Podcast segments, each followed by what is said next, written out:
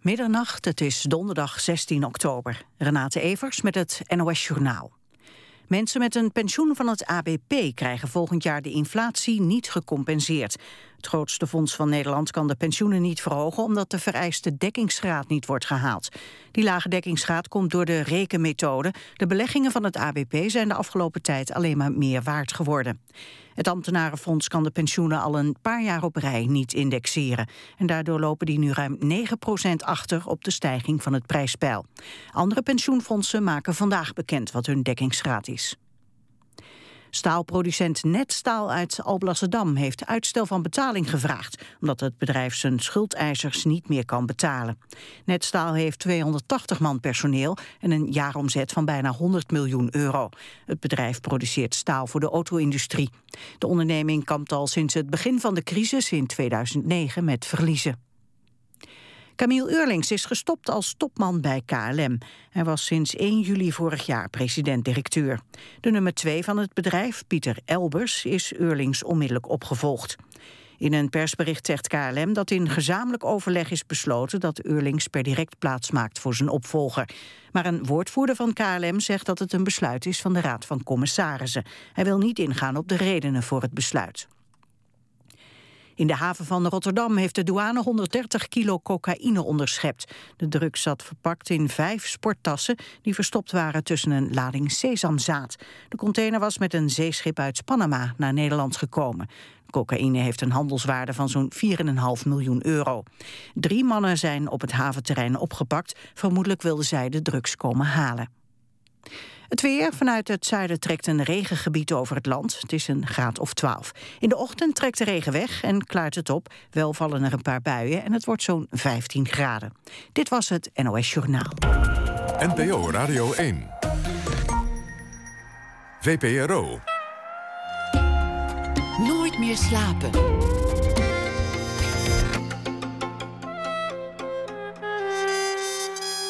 Met Pieter van der Wielen. Goedenacht en welkom bij Nooit meer slapen. Wereldvoedseldag is het uh, vandaag, of dan zojuist geworden. Zal allemaal wel natuurlijk. U hoort straks wetenschapper Jaap Seidel en wetenschapsjournalist Hans van Manen over alles wat je wel en niet moet geloven wanneer het gaat over frisdrank. Moeten alle frisdrankautomaten het schoolgebouw verlaten of niet? Aandacht ook voor het nieuwe boek van Milan Kundera. Legendarisch werd hij vanwege zijn eh, boek Ondraaglijke lichtheid van het bestaan en ook vanwege de grap. Een nieuw boek van hem is een evenement. Straks uh, verslag na één uur. Dan ook een verhaal van schrijfster Franka Treur. We beginnen met Paul Koiker, hij is uh, fotograaf. Nude Animal Cigars, de titel van een tentoonstelling van, van zijn foto's. Te zien in het Fotomuseum Den Haag. Hij viert daarmee zijn 20-jarige carrière in het vak.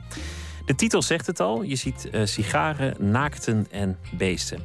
Paul Koiker is geboren in 1964. Raakte op zijn vijftiende gefascineerd door het kijken. Misschien wel geobsedeerd. Want obsessie, daar gaat het over in de kunst, vindt hij.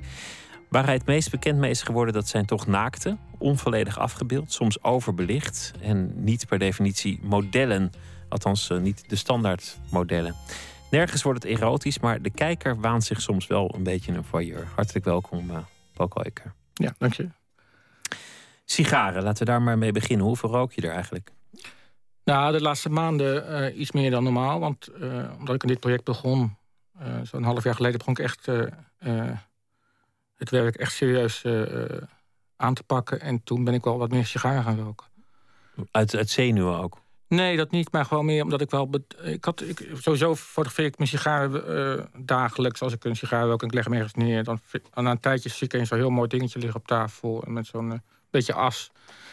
En dat heb ik gewoon als een soort van. Uh, ja, met, met je telefoon maak ik dan af en toe een foto van je omgeving. En zo'n zo sigaar is dan eigenlijk een heel interessant, gek ding geworden. Zo'n peuk eigenlijk, zo of zo'n half opgerookt Ja, vaak zijn ze half opgerookt. Of, er, of ligt er vaak zo'n hele kegel naast. Dus dat is eigenlijk, het heeft een soort ja, het wordt bijna een soort van. Uh, het is zo banaal ding, wat ineens toch. Uh, als je een foto van maakt en je vergroot het uit, dat een soort van. Uh, wordt een beetje bizar. En als je het als je combineert met andere dingen als een naakt of een dier, dan krijgt het een soort, wordt een soort vormstudie over een. Over een, het wordt een vormpje. En dus dat, dat intrigeert je en dat, daarmee ga je steeds meer aan de slag. En dan uiteindelijk wordt het, wat je zegt, misschien net ook zelf, het wordt een soort obsessie. En dan ga je dat dan moet je toch ineens meer sigaren gaan roken. Om, Ver- eh, vergeet je er wel eens een, een sigaar? Dat, dat, je, dat je er vol smaak in aansteekt en denkt... oh, ik heb zo'n trek in deze sigaar. En dat je dan inderdaad denkt, oh, verrek, ik had daar nog een sigaar liggen. dat nou, dat valt eigenlijk wel mee. Nee, dat gaat eigenlijk wel... eh, dat, nee, dat gebeurt eigenlijk niet. Want bij Nee. sigaren, die gaan gewoon uit. Een sigaret, dan, Ja. dan vliegt op een gegeven moment je appartement in de fik. Klopt. En dan leer je Ja. dat wel af. Maar, maar een sigaar, die kan je natuurlijk gewoon vergeten en ergens laten liggen. Precies. Maar dan kun je ook wel goed zien als iemand die, eh, die eigenlijk nooit sigaar rookt... die voor het eerst een sigaar eh, opsteekt... Die gaat, als hij hem uit gaat doen, dan gaat hij hem echt zo eh, als een sigaret uit, eh, doodmaken. En dan gaat, dan gaat het ook stinken, dan gaat het ook wordt- knetteren, ja, wordt is- lelijk. Dat wordt heel vies. Terwijl inderdaad iemand die, die vaak een sigaar rookt... die weet gewoon dat hij gewoon die sigaar neer moet leggen... en dan gaat het vanzelf, komt het goed. Maar, Wat voor sigarenroker ben je? Want je hebt, je hebt de, de rustige sigarenroker die het als een moment van overdenking beschouwt. En, en daar ook de tijd voor neemt. En de drie uur van zijn Havana te, tevreden poppend doorbrengt. Maar je hebt natuurlijk ook de sigarenroker met zo'n ding in zijn mondhoek. Wat wat meer past bij de Ja, bij de- lampenhandelaar. ja, ja, precies.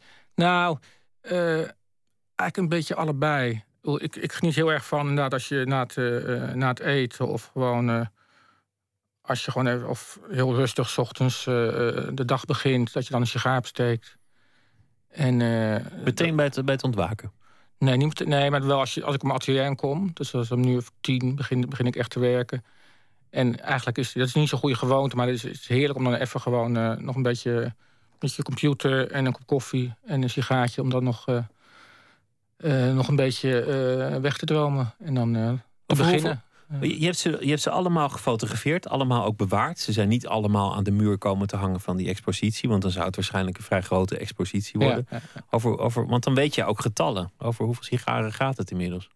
Die ik gerookt heb. bedoel? Ja, Oh, dat, dat zou, ik niet, zou ik niet durven zeggen. maar Nee. roken is tellen. Roken is tellen hoeveel je rookt, hoe, hoe lang je nog rookt. eh, Nee, ik denk hoe lang je- als- al leeft, hoe lang je nog leeft. Is je- met sigaretten denk ik wel zo, maar mijn sigaar is toch... dat zijn geen tellers. Nee, volgens mij niet. Het gaat, zoveel, gaat zo om de smaak. Ik bedoel, je inhaleert het niet. Eh, het, is heel, het is gewoon lekker. Het, is niet, het gaat niet om de kick van dat je die nicotine binnenkrijgt. Maar je weet niet hoeveel bestanden er van, van sigarenpeuken van Paul Keuker zijn. Ik zou het niet weten, nee. Dat zijn Nee, fascinerende getallen hoor. Want het geldt ook voor de kopjes koffie die je drinkt. Of het aantal blikjes eh, cola dat je wegslaat. Of, eh, of wat dan ook. Aan het eind van je leven. Nou ja, reken maar uit. eh, Ja. Drie per dag. het hele jaar door zit je al aan duizend. Word je 80, heb je 80.000 kopjes koffie gedronken misschien wel. Nou, ik ben op, op mijn, eh, ik denk op mijn twintigste begonnen met roken. Zo rook ik nu al eh 30 jaar. En, maar je hebt van die fases, hè. Soms nou, heb ik gewoon wat, wat meer gerookt. En soms... ik kan ook gewoon weken niet roken. Dus het is, ik voel niet als een verslaving, maar ik merk wel dat als ik in mijn atelier ben, dat het dan een soort, het hoort er een beetje bij. Dus die combinatie van eh, in mijn atelier werken en, en eh sigaar roken, dat is een soort van, eh, zit ook, zit ook aan, aan elkaar vast. Terwijl thuis rook ik geen sigaren. Ter zake, want, want een sigarenpeuk is niet mooi. Jouw naakte, wa- wat voluptueuze vrouwen liggend op een tafel zijn ook niet per definitie mooi. Moeten jouw foto's mooi zijn? Nou ja, als ik vind als ik eh, een foto eh, eh, helemaal bewerk en uiteindelijk eh, eh, kies om hem af te drukken en op te hangen, dan vind ik hem heel mooi. Maar eh, het, het werk zelf kan, wel over, kan, kan er over gaan of het wel of niet mooi is. Ik vind wel mooi als je als kijker eh, eh, daar een mening over moet vormen als je naar het werk kijkt. Het is niet vanzelfsprekend eh, altijd maar helemaal esthetisch, maar eh, je wordt wel een beetje op, op, het, op het verkeerde pad gezet dat je af en toe moet denken van eh, mag ik dit mooi vinden of is het niet mooi? Of, dus ik, dat die discussie plaatsvindt in de kijker zijn hoofd, dat is eigenlijk wat ik wil. Eh, Het, Maar- het gebeurt in het hoofd, niet aan die muur, niet in jouw camera, Nee. niet in jouw oog. Het, het, het eigenlijke werk gebeurt in het hoofd van degene die hier naar kijkt. Nou ja, dat is natuurlijk belangrijk. Dat je na die, die communicatie met je, met je toeschouwer. Dat je, dat je toch. ik wil gewoon eigenlijk dat een kijker zo lang mogelijk voor zijn werk staat. En dat hij ook daar nog een mening over vormt. Of hij dan uiteindelijk bedenkt van dit is niet mooi, of dit is heel mooi, of dit is erotisch, of dit is, eh, dit is eh, afstotend. Of, dat Het is, ook, allemaal- het is ook vaak niet heel technisch mooi gefotografeerd. Je, je hebt fotoacademie gedaan, je bent hoog opgeleid, zeer ervaren. Dus, dus je weet prima hoe zo'n camera werkt en hoe het hoort. Ja. Medefotografen zeggen wel eens, ja, waarom, waarom doet hij het dan niet? Hij weet prima hoe het hoort en toch fotografeert hij technisch lelijk. Ja, ik, ja ik, dat, dat laatste dat ben ik niet met je eens. Ja, Het is een Ik- citaat, hè? dat is niet Ja. mijn mening, maar dat, dat is wel wat mensen over jou zeggen. ik geloof niet dat er, dat een soort van. Ik geloof niet zo in de, in de perfecte foto. Ik bedoel, ik vind dat. eh, eh, eh, als ik er een keuze maak om iets te licht af te drukken of om iets, om iets, om iets onscherp af te drukken, dan vind ik dat een, ook een esthetische keuze. Het is natuurlijk ook gewoon inhoudelijk. Op de eerste plaats is het een inhoudelijke keuze, maar uiteindelijk zorg ik, ben, ik toch, ben je toch als beeldend kunstenaar altijd wel met een soort esthetiek bezig. Dat uh, kun je, krijg je niet aan, aan, aan ontkomen bijna. Maar juist dat rafelige, dat biedt ook esthetiek. Nou ja, dus, ik vind wel dat je als kunstenaar... Uh, ja, je moet wel een soort de grens opzoeken. En kijken hoe je zo'n medium als fotografie... wat natuurlijk wat iedereen uh, doet. En niemand kan, bij, niemand kan meer een onscherpe foto maken. Alle foto's zijn goed belicht. Dus dat je daar dat onderzoek... dat je constant onderzoek doet naar het medium... en dat je kijkt... Ja, waar, liggen, waar, liggen de, waar liggen de, misschien wel de pijnpunten... of waar, waar, waar is, schuurt het nog? En dat is eigenlijk... Uh, dat is veel spannender dan, dan, dan een... een een mooie foto. Dat, uh... daarom, zou je ook, daarom zou je ook eerder kiezen voor een. Voor een. Maar uiteindelijk vind ik vind het altijd wel. Ik, de, de, keuze om daarna die foto af te drukken ook, is ook esthetisch. Hè? Dus het is niet alleen dat ik denk: oh, dit is lelijk. Dus ik vind het toch zelf heel mooi. Dus ik schrik altijd een beetje als mensen zeggen van. Oh, je maakt lelijke foto's. Denk ik, dat is helemaal niet waar. Dus, maar het is wel interessant, dat, dat is die discussie erover. Maar, Jij zegt eigenlijk, ik maak mooie foto's van onderwerpen... die niet alledaags als mooi worden ervaren. Nou, ik vind het interessant. Ik vind wel, uh, een beuk is niet mooi, toch? Nou, als je die foto's ziet, ik, ja, ik, vind het toch, ik vind het toch heel mooi. Ik vind ze eigenlijk heel mooi. Ja, ja, is, ja. beauty is in the eye of the beholder. Ja. Daar ga je. Dus, dus uh, is dat ook de reden waarom. Nou, misschien, je... misschien beperk ik mijn publiek dan. Het, het zal niet zo zijn dat. Uh, misschien zit je dan een beetje in de marge. Hè? Dus dat je. je kan niet iedereen plezieren met, met, met, die schoonheid. Maar gelukkig zijn er genoeg mensen die dan toch die dat wel, die daar wel aan mee kunnen gaan. Is dat ook waarom je eerder voor een dikke vrouw zou kiezen dan voor een, voor een slank model? Nou, dat, dat verschilt per project. Wat, wat ik, hoe ik werk is eigenlijk dat ik, ik start een project en, uh, en dan kan de ene keer gaan om, om zo'n bekende serie van wegwennende vrouwen in de duinen. En de volgende keer gaat het over mollige modellen in mijn studio. Dan gaat het over fonteinen in Parijs. Dan gaat het over kerktorens in Friesland. Dus dat, is, dat is, maakt me niet zoveel uit. Het is gewoon dat ik me dan een paar maanden lang uh, concentreer op één, één thema. En dan ben ik zo obsessief mee bezig dat het uiteindelijk dat, uit, dat, ja, dat eindigt dan in, in, een, in een afproject. En daarna gebeurt het ook niet meer. Het is nooit één dus, foto waar het om gaat, die ultieme foto. Het gaat eigenlijk om, om de serie. Ja, altijd. Een, een project ja, noem je dat. In. En daarom is het ook zo dat, dat vaak dat, wat er dan gebeurt, is dat er toch een boek bij verschijnt. Want dat is eigenlijk voor mij wel een heel fijn medium. Dat je dan, je kan er veel meer in kwijt. Uh, ik denk toch vaak, als, als ik aan een werk begin... dan eindigt het vaak in honderd foto's of, of zoiets. En dan is een boek zo'n mooi medium dat dan verder naar buiten te brengen... in plaats van een tentoonstelling. ik heb me eigenlijk de laatste tien jaar veel meer gefocust op, op boeken... dan op, op uh, tentoonstellingen. Alleen dat tentoonstelling dat komt altijd weer aan vast natuurlijk. Maar uh, uh, fotografie en, en boek is natuurlijk een soort, zijn natuurlijk heel, uh, heel goed, heel geschikt voor elkaar. Dat is eigenlijk... Je noemt het obsessief. Hoe, hoe gaat het in zijn werk? Hoe begint zo'n obsessie en hoe ver gaat het? Ja, het, het, het, eh, het gekke is, andere mensen noemen natuurlijk obsessief... en ik, ik begrijp het wel wat ze daarmee bedoelen. En zo is het natuurlijk ook wel. Dat je, je sluit jezelf op en je gaat met, met iets... en soms banaals en iets... Eh, misschien niemand zit erop te wachten. Als ik aan een werk begin, is het niet zo. Dat is niet relevant voor... Uh, ik zeg niet iets over de, tijd van nu... van hoe, hoe mensen naar dingen moeten kijken. Het is niet een geëngageerd werk. Dus het is eigenlijk heel privé... Dus dat, uh, dat je daar dan een paar maanden op focust, dat, is, dat, dat wordt dan toch een soort obsessieve werkwijze eigenlijk. Maar betekent dat dat maar je ik denk dat, ik denk dat het bijna worden? standaard is voor, voor het kunstenaarschap. Hè? Dat je, het kan maar niet anders. Dat je in die fase begeeft van dat je dat het obsessief wordt. Dat is bijna uh, geen ontkomen aan. Als je dat niet hebt, dan kan je eigenlijk ook niet werkzaam zijn als beeldend kunstenaar. Maar als het obsessief is, dan kun je er ook niet aan ontsnappen. Hoe, hoe, hoe gaat dat? Zit je dan s'nachts nog aan te denken als je eigenlijk zou moeten slapen? Of kom je eerder je bed uit omdat dat je er toch weer aan moet werken? Of nou, het, het niet meer om te eten? Eigenlijk is zo dat, je, dat, je, uh, dat ik het niet als werk zie, maar dat ik gewoon eigenlijk met. met uh, ja, dat klinkt een beetje gek, met heel veel plezier naar mijn atelier toe ga. En al, al gaat het niet, al lukt het niet vanaf de eerste dag, al gaat het, al gaat het een beetje stroef of ik moet steeds dingen weggooien toch elke keer dat je dan ochtends in je atelier komt... denk van, oh, het is toch het mooiste wat er is. Dat is, dat is eigenlijk... Uh, daarmee, daarmee merk ik het eigenlijk, denk ik. Dat je, ik kijk, ik denk als iemand naar zijn werk gaat... en denkt van, oh, ik ben mijn laatste vakantie Maar ik heb bijna andersom. Ik, bedoel, ik, heb, ik vind het heerlijk als uh, wij spreken. Ook ik heb wel vakantie nodig, maar als de vakantie voorbij is... denk ik van, oh, fijn, ik kan weer aan het werk. Dus dat is, misschien heet dat wel een soort obsessie. Hoe is het begonnen? Waar ben je geboren? Wie, wie was je vader en uh, wie was je moeder? En, en wanneer kreeg je voor het eerst een camera? Uh, dat is best, best wel vroeg begonnen denk met die camera. Ik ben eigenlijk heel snel op school dat ik, dat ik toch veel beter was in in de creatieve vakken. Ook op de lagere school al.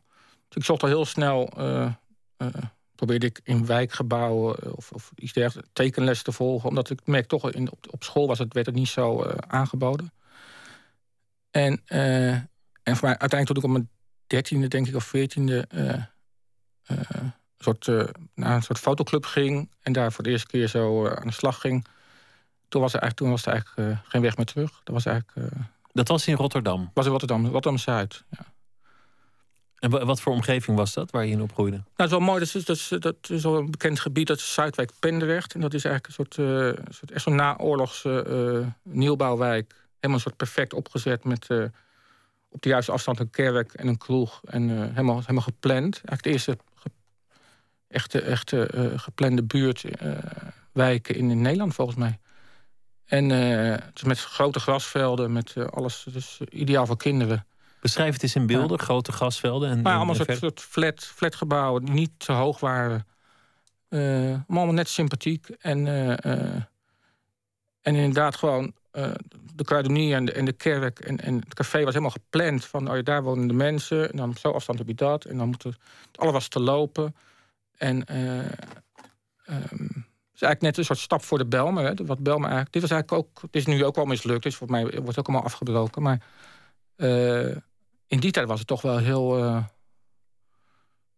ik denk, ja, ik heb een, daardoor, nou niet alleen daar, maar wel een hele veilige, prettige jeugd gehad. Dat het was een soort, uh, ja, er kon je niks gebeuren.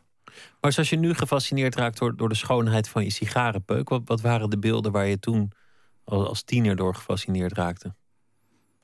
Dat is een goede vraag. Uh, heb ik nooit over nagedacht. Nou ja, het gekke is dat, dat uh, het eerste wat je doet, als je, als, of wat ik dan deed, ik ging het eerst uh, ik ging naar dierentuin foto's maken. Dat is misschien wel mooi. Het is wel een mooi bruggetje naar, naar mijn nieuwe werk. ja, gaat, ja, je gaat eigenlijk, je zoekt toch een beetje het, een soort van avontuur op. Dat je dan. ja, nou, ik ging dan naar, naar hoe heet het, Blijdorp. En daar uh, ieder weekend foto's maken. De meeste mensen die naar een dierentuin toe gaan om, om daar de dieren te fotograferen, die zouden kiezen voor een, een, een foto waarin je een soort van actie van het beest kunt, kunt ontwaren. Dat, dat de, de leeuw uh, angstaanjagend gromt of, of dat de aap aan een tak zwiept of, of zoiets. Bij jou lijkt het het tegenovergestelde zijn, want die plaatjes die jij maakt van dieren, daarin zijn bijna een soort stillevens. Het is bijna een soort, soort kunstwerk geworden, het dier. Het gaat je volgens meer om, om de vorm en de kleur dan om de beweging en de actie van het beest. Ja, nou, wat je merkt als je een diertuin fotografeert, maar sowieso is het met fotograferen in mijn geval uh, een probleem. Uh, het lukt me nooit om op het goede moment af te drukken. Dat is een soort van, dat heb ik ook al, uh, daar ga ik aan voorbij. Daar wil ik niet meer, wil ik niet meer mee bezighouden. Dat je het moment, dat is natuurlijk wat heel veel mensen, ook als een aap fotograferen of een, of een leeuw, dan willen ze het moment dat hij iets doet of bijzonder kijkt en ik, ik heb precies, nou dat lukt me toch niet. Dus ik, Om op uh, tijd te klikken, dat ja, is het niet. En, dat, en, als je dat, en als dat een keer wel goed gaat, dan is het eigenlijk een hele saaie foto. Dus ik, ik ben heel erg bewust van dat juist dat onaffe aan een beeld veel interessanter is dan, dan een perfecte foto. Dat is, uh... kun, je, kun je een van die dierenfoto's omschrijven? Uh, even nadenken hoor. Ja, wat al die dierenfoto's een beetje hebben, dat, dat je als je ze ziet, komt ook door de kleur die ze hebben en hoe ze gefotografeerd zijn. Je denkt dat je ze kent, die foto's. Het is een beetje wat, wat je in de jaren, van de jaren 50 boeken over van die soort encyclopedieën over de wereld. En dan zag je dan een aap en een zebra. En dat was, dan werd er zo puur gefotografeerd. Ze stonden er helemaal op. Uh, uh, het was een beetje strak gekaderd. En uh, beetje, had, had iets onschuldigs eigenlijk. Het was een soort onschuld van... dit is de wereld. En al was het wel een diertuin gefotografeerd, maar het was toch... Mensen, alle mensen die, die zo'n boek zagen, hadden zoiets van... oh ja, we, nou hebben we meer verstand van wat er zo al uh, in de wereld gebeurt. En uh, dat is, uh, ja... Dat is een beetje die sfeer die ik nou met het nieuwe werk oproep. Dat, het, dat je... Ik denk het nog steeds, wat wel vaak gebeurt in mijn werk... dat mensen denken van, waar heeft hij die foto's vandaan? Heeft hij ze gevonden? Of heeft hij ze op de Waterplein gekocht? Of heeft hij ze uit een boek gereproduceerd? En dat is wel een beetje uh, wat voor mij heel belangrijk is, dat ik altijd wel alle projecten zelf fotografeer en dat ik daarna uh, ja, ermee aan de slag ga en dan eh, toch naar een soort clichés zoekt van kijken. Waardoor je inderdaad op een, op een gebied belandt dat mensen denken van hé, hey, wie, heeft, wie heeft dit nou gemaakt? Dus eigenlijk die stijl van fotograferen die kan steeds veranderen. Alleen waar het echt over gaat, dat blijft altijd wel hetzelfde. Dat is mijn interesse. Maar uiteindelijk de, de, de, hoe het eruit ziet, dat kan ieder, ieder jaar weer omslaan. Of het kan, als het ene jaar is het onscherp en kleur, de andere keer is het zwart-wit en scherp. Het is, het is verandert steeds. Dat is eigenlijk. Je streeft uiteindelijk naar iets in het hoofd van degene die kijkt. daar vindt jouw uiteindelijke ja. werk plaats. Niet het moment dat je op die knop drukt. Niet als je in, in de doka iets staat af te drukken. Of als je in je computer aan het rommelen bent. Zelfs niet als je het aan de muur spijkert. Het is in dat hoofd. En dan streef je eigenlijk naar best wel een groot begrip. Onschuld. Nou, als, je het over, als, we het over, die, als we het over dieren hebben, dan bedoel je? Ja. Uh, ja, dat eigenlijk mensen toch weer. Uh, uh, ja, in dit geval is het die combinatie van die, dat gekke, die onschuldige dieren die toch in een diertuin zitten. En een diertuin is helemaal niet leuk. Dat is gewoon echt. dat heb ik nou ook wel weer gemerkt dit jaar. Ik heb veel, nee, dierentuinen zijn niet leuk. Nee. Het is echt een hel. Of het nou in Rusland, China of Nederland is. Een artis vind ik net zo erg als, als een. Als een, als een ja, als een hele slechte diertuin in China. Dat maakt niet zoveel uit. Nee, die mensen werken daar met goede bedoelingen. En volgens mij ja. die apen het ook wel goed. Maar... Nou ja, dat, weet ik niet. Maar dat. Dus het is, het is, ik vind het alleen maar Het is troosteloos. Ja, toch? absoluut. Dus dat is. Uh, en dat zie je eigenlijk niet aan die foto's. Dus, maar dat maakt het ook wel weer dubbel. Dat is ook. Uh, uh, ook wel heel belangrijk. Maar eigenlijk die serie waar we het nou over hebben, over het laatste werk, eigenlijk die, juist die combinatie van naakte dieren en sigaren, dat is een beetje een gekke balans. Hè? Dus ik denk een een naakt en een, een sigaar, dat is bijna niet te doen. Dat is, dan wordt zo'n sigaar wordt zo'n fallisch ding. Van, dat wordt het echt... Uh... Dan wordt het Bill Clinton? Ja, Bill Clinton. En uh, ja, ik vind vrouwen en, en dieren vind ik ook wel heel erg treurig eigenlijk, die combinatie. Dan wordt het Piazzadora met zo'n ja. zo slang om de nek. Ja, precies. Ja, maar, maar, het is wel interessant, want jij, jij zei eerder... het gaat me niet om die ene foto, het gaat mij om, om de combinatie. Het gaat mij om een serie. Dus, dus het werk is de muur en niet een van die plaatjes aan die muur. En dan gaat het om het effect dat die beelden hebben op de, op de bezoeker. Daar, daar wil je mee aan de slag. Je wil iets ontwrichten. En dan, dan plaats je dus steeds een combinatie van naakten, dieren en sigarenpeuken bij elkaar. Ja, die komen maar die zitten niet zo heel strak naast elkaar. Maar het is, ze zijn door elkaar verweven eigenlijk. En, maar wel uh, met heel veel zorg. Je bent, ja. er, je bent er lang mee bezig met hoe je dat precies ja, ja, ja, gaat combineren.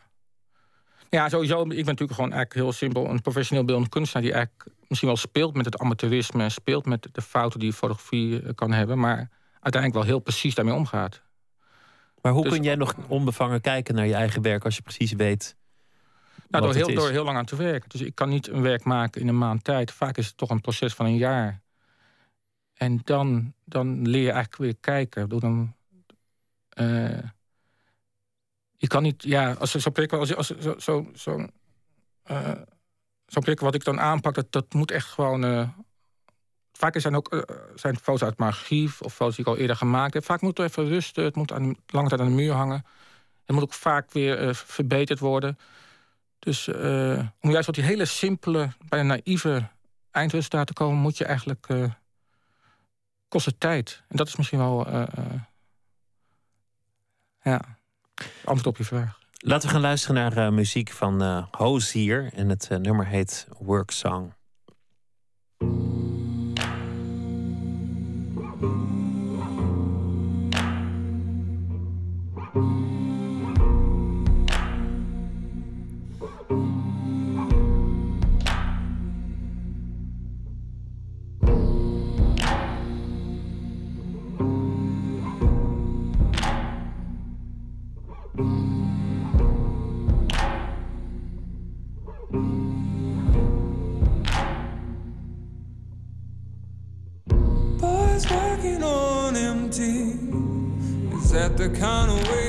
The burning heat?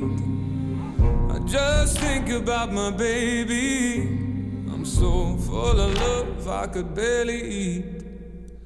There's nothing sweeter than my baby. I'd never want once from the cherry tree. Cause my baby, sweet as can be, she'd give me toothaches just from kissing me. When my time comes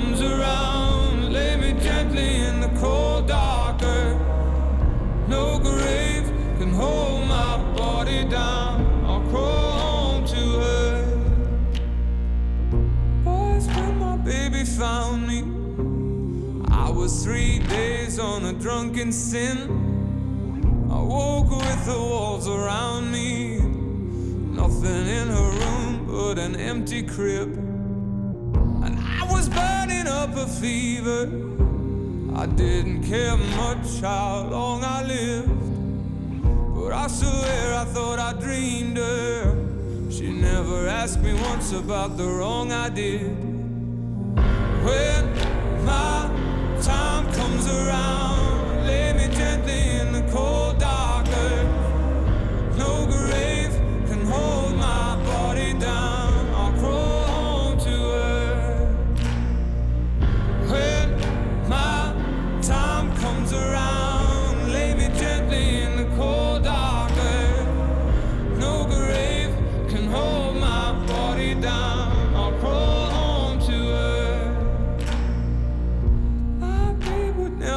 fret none about what my hands and my body done. If the Lord don't forgive me, I'd still have my baby and my babe would have me. When I was kissing on my baby, and she'd put her love down soft and sweet. In the lamp light, I was free. Heaven and hell were words to me. When my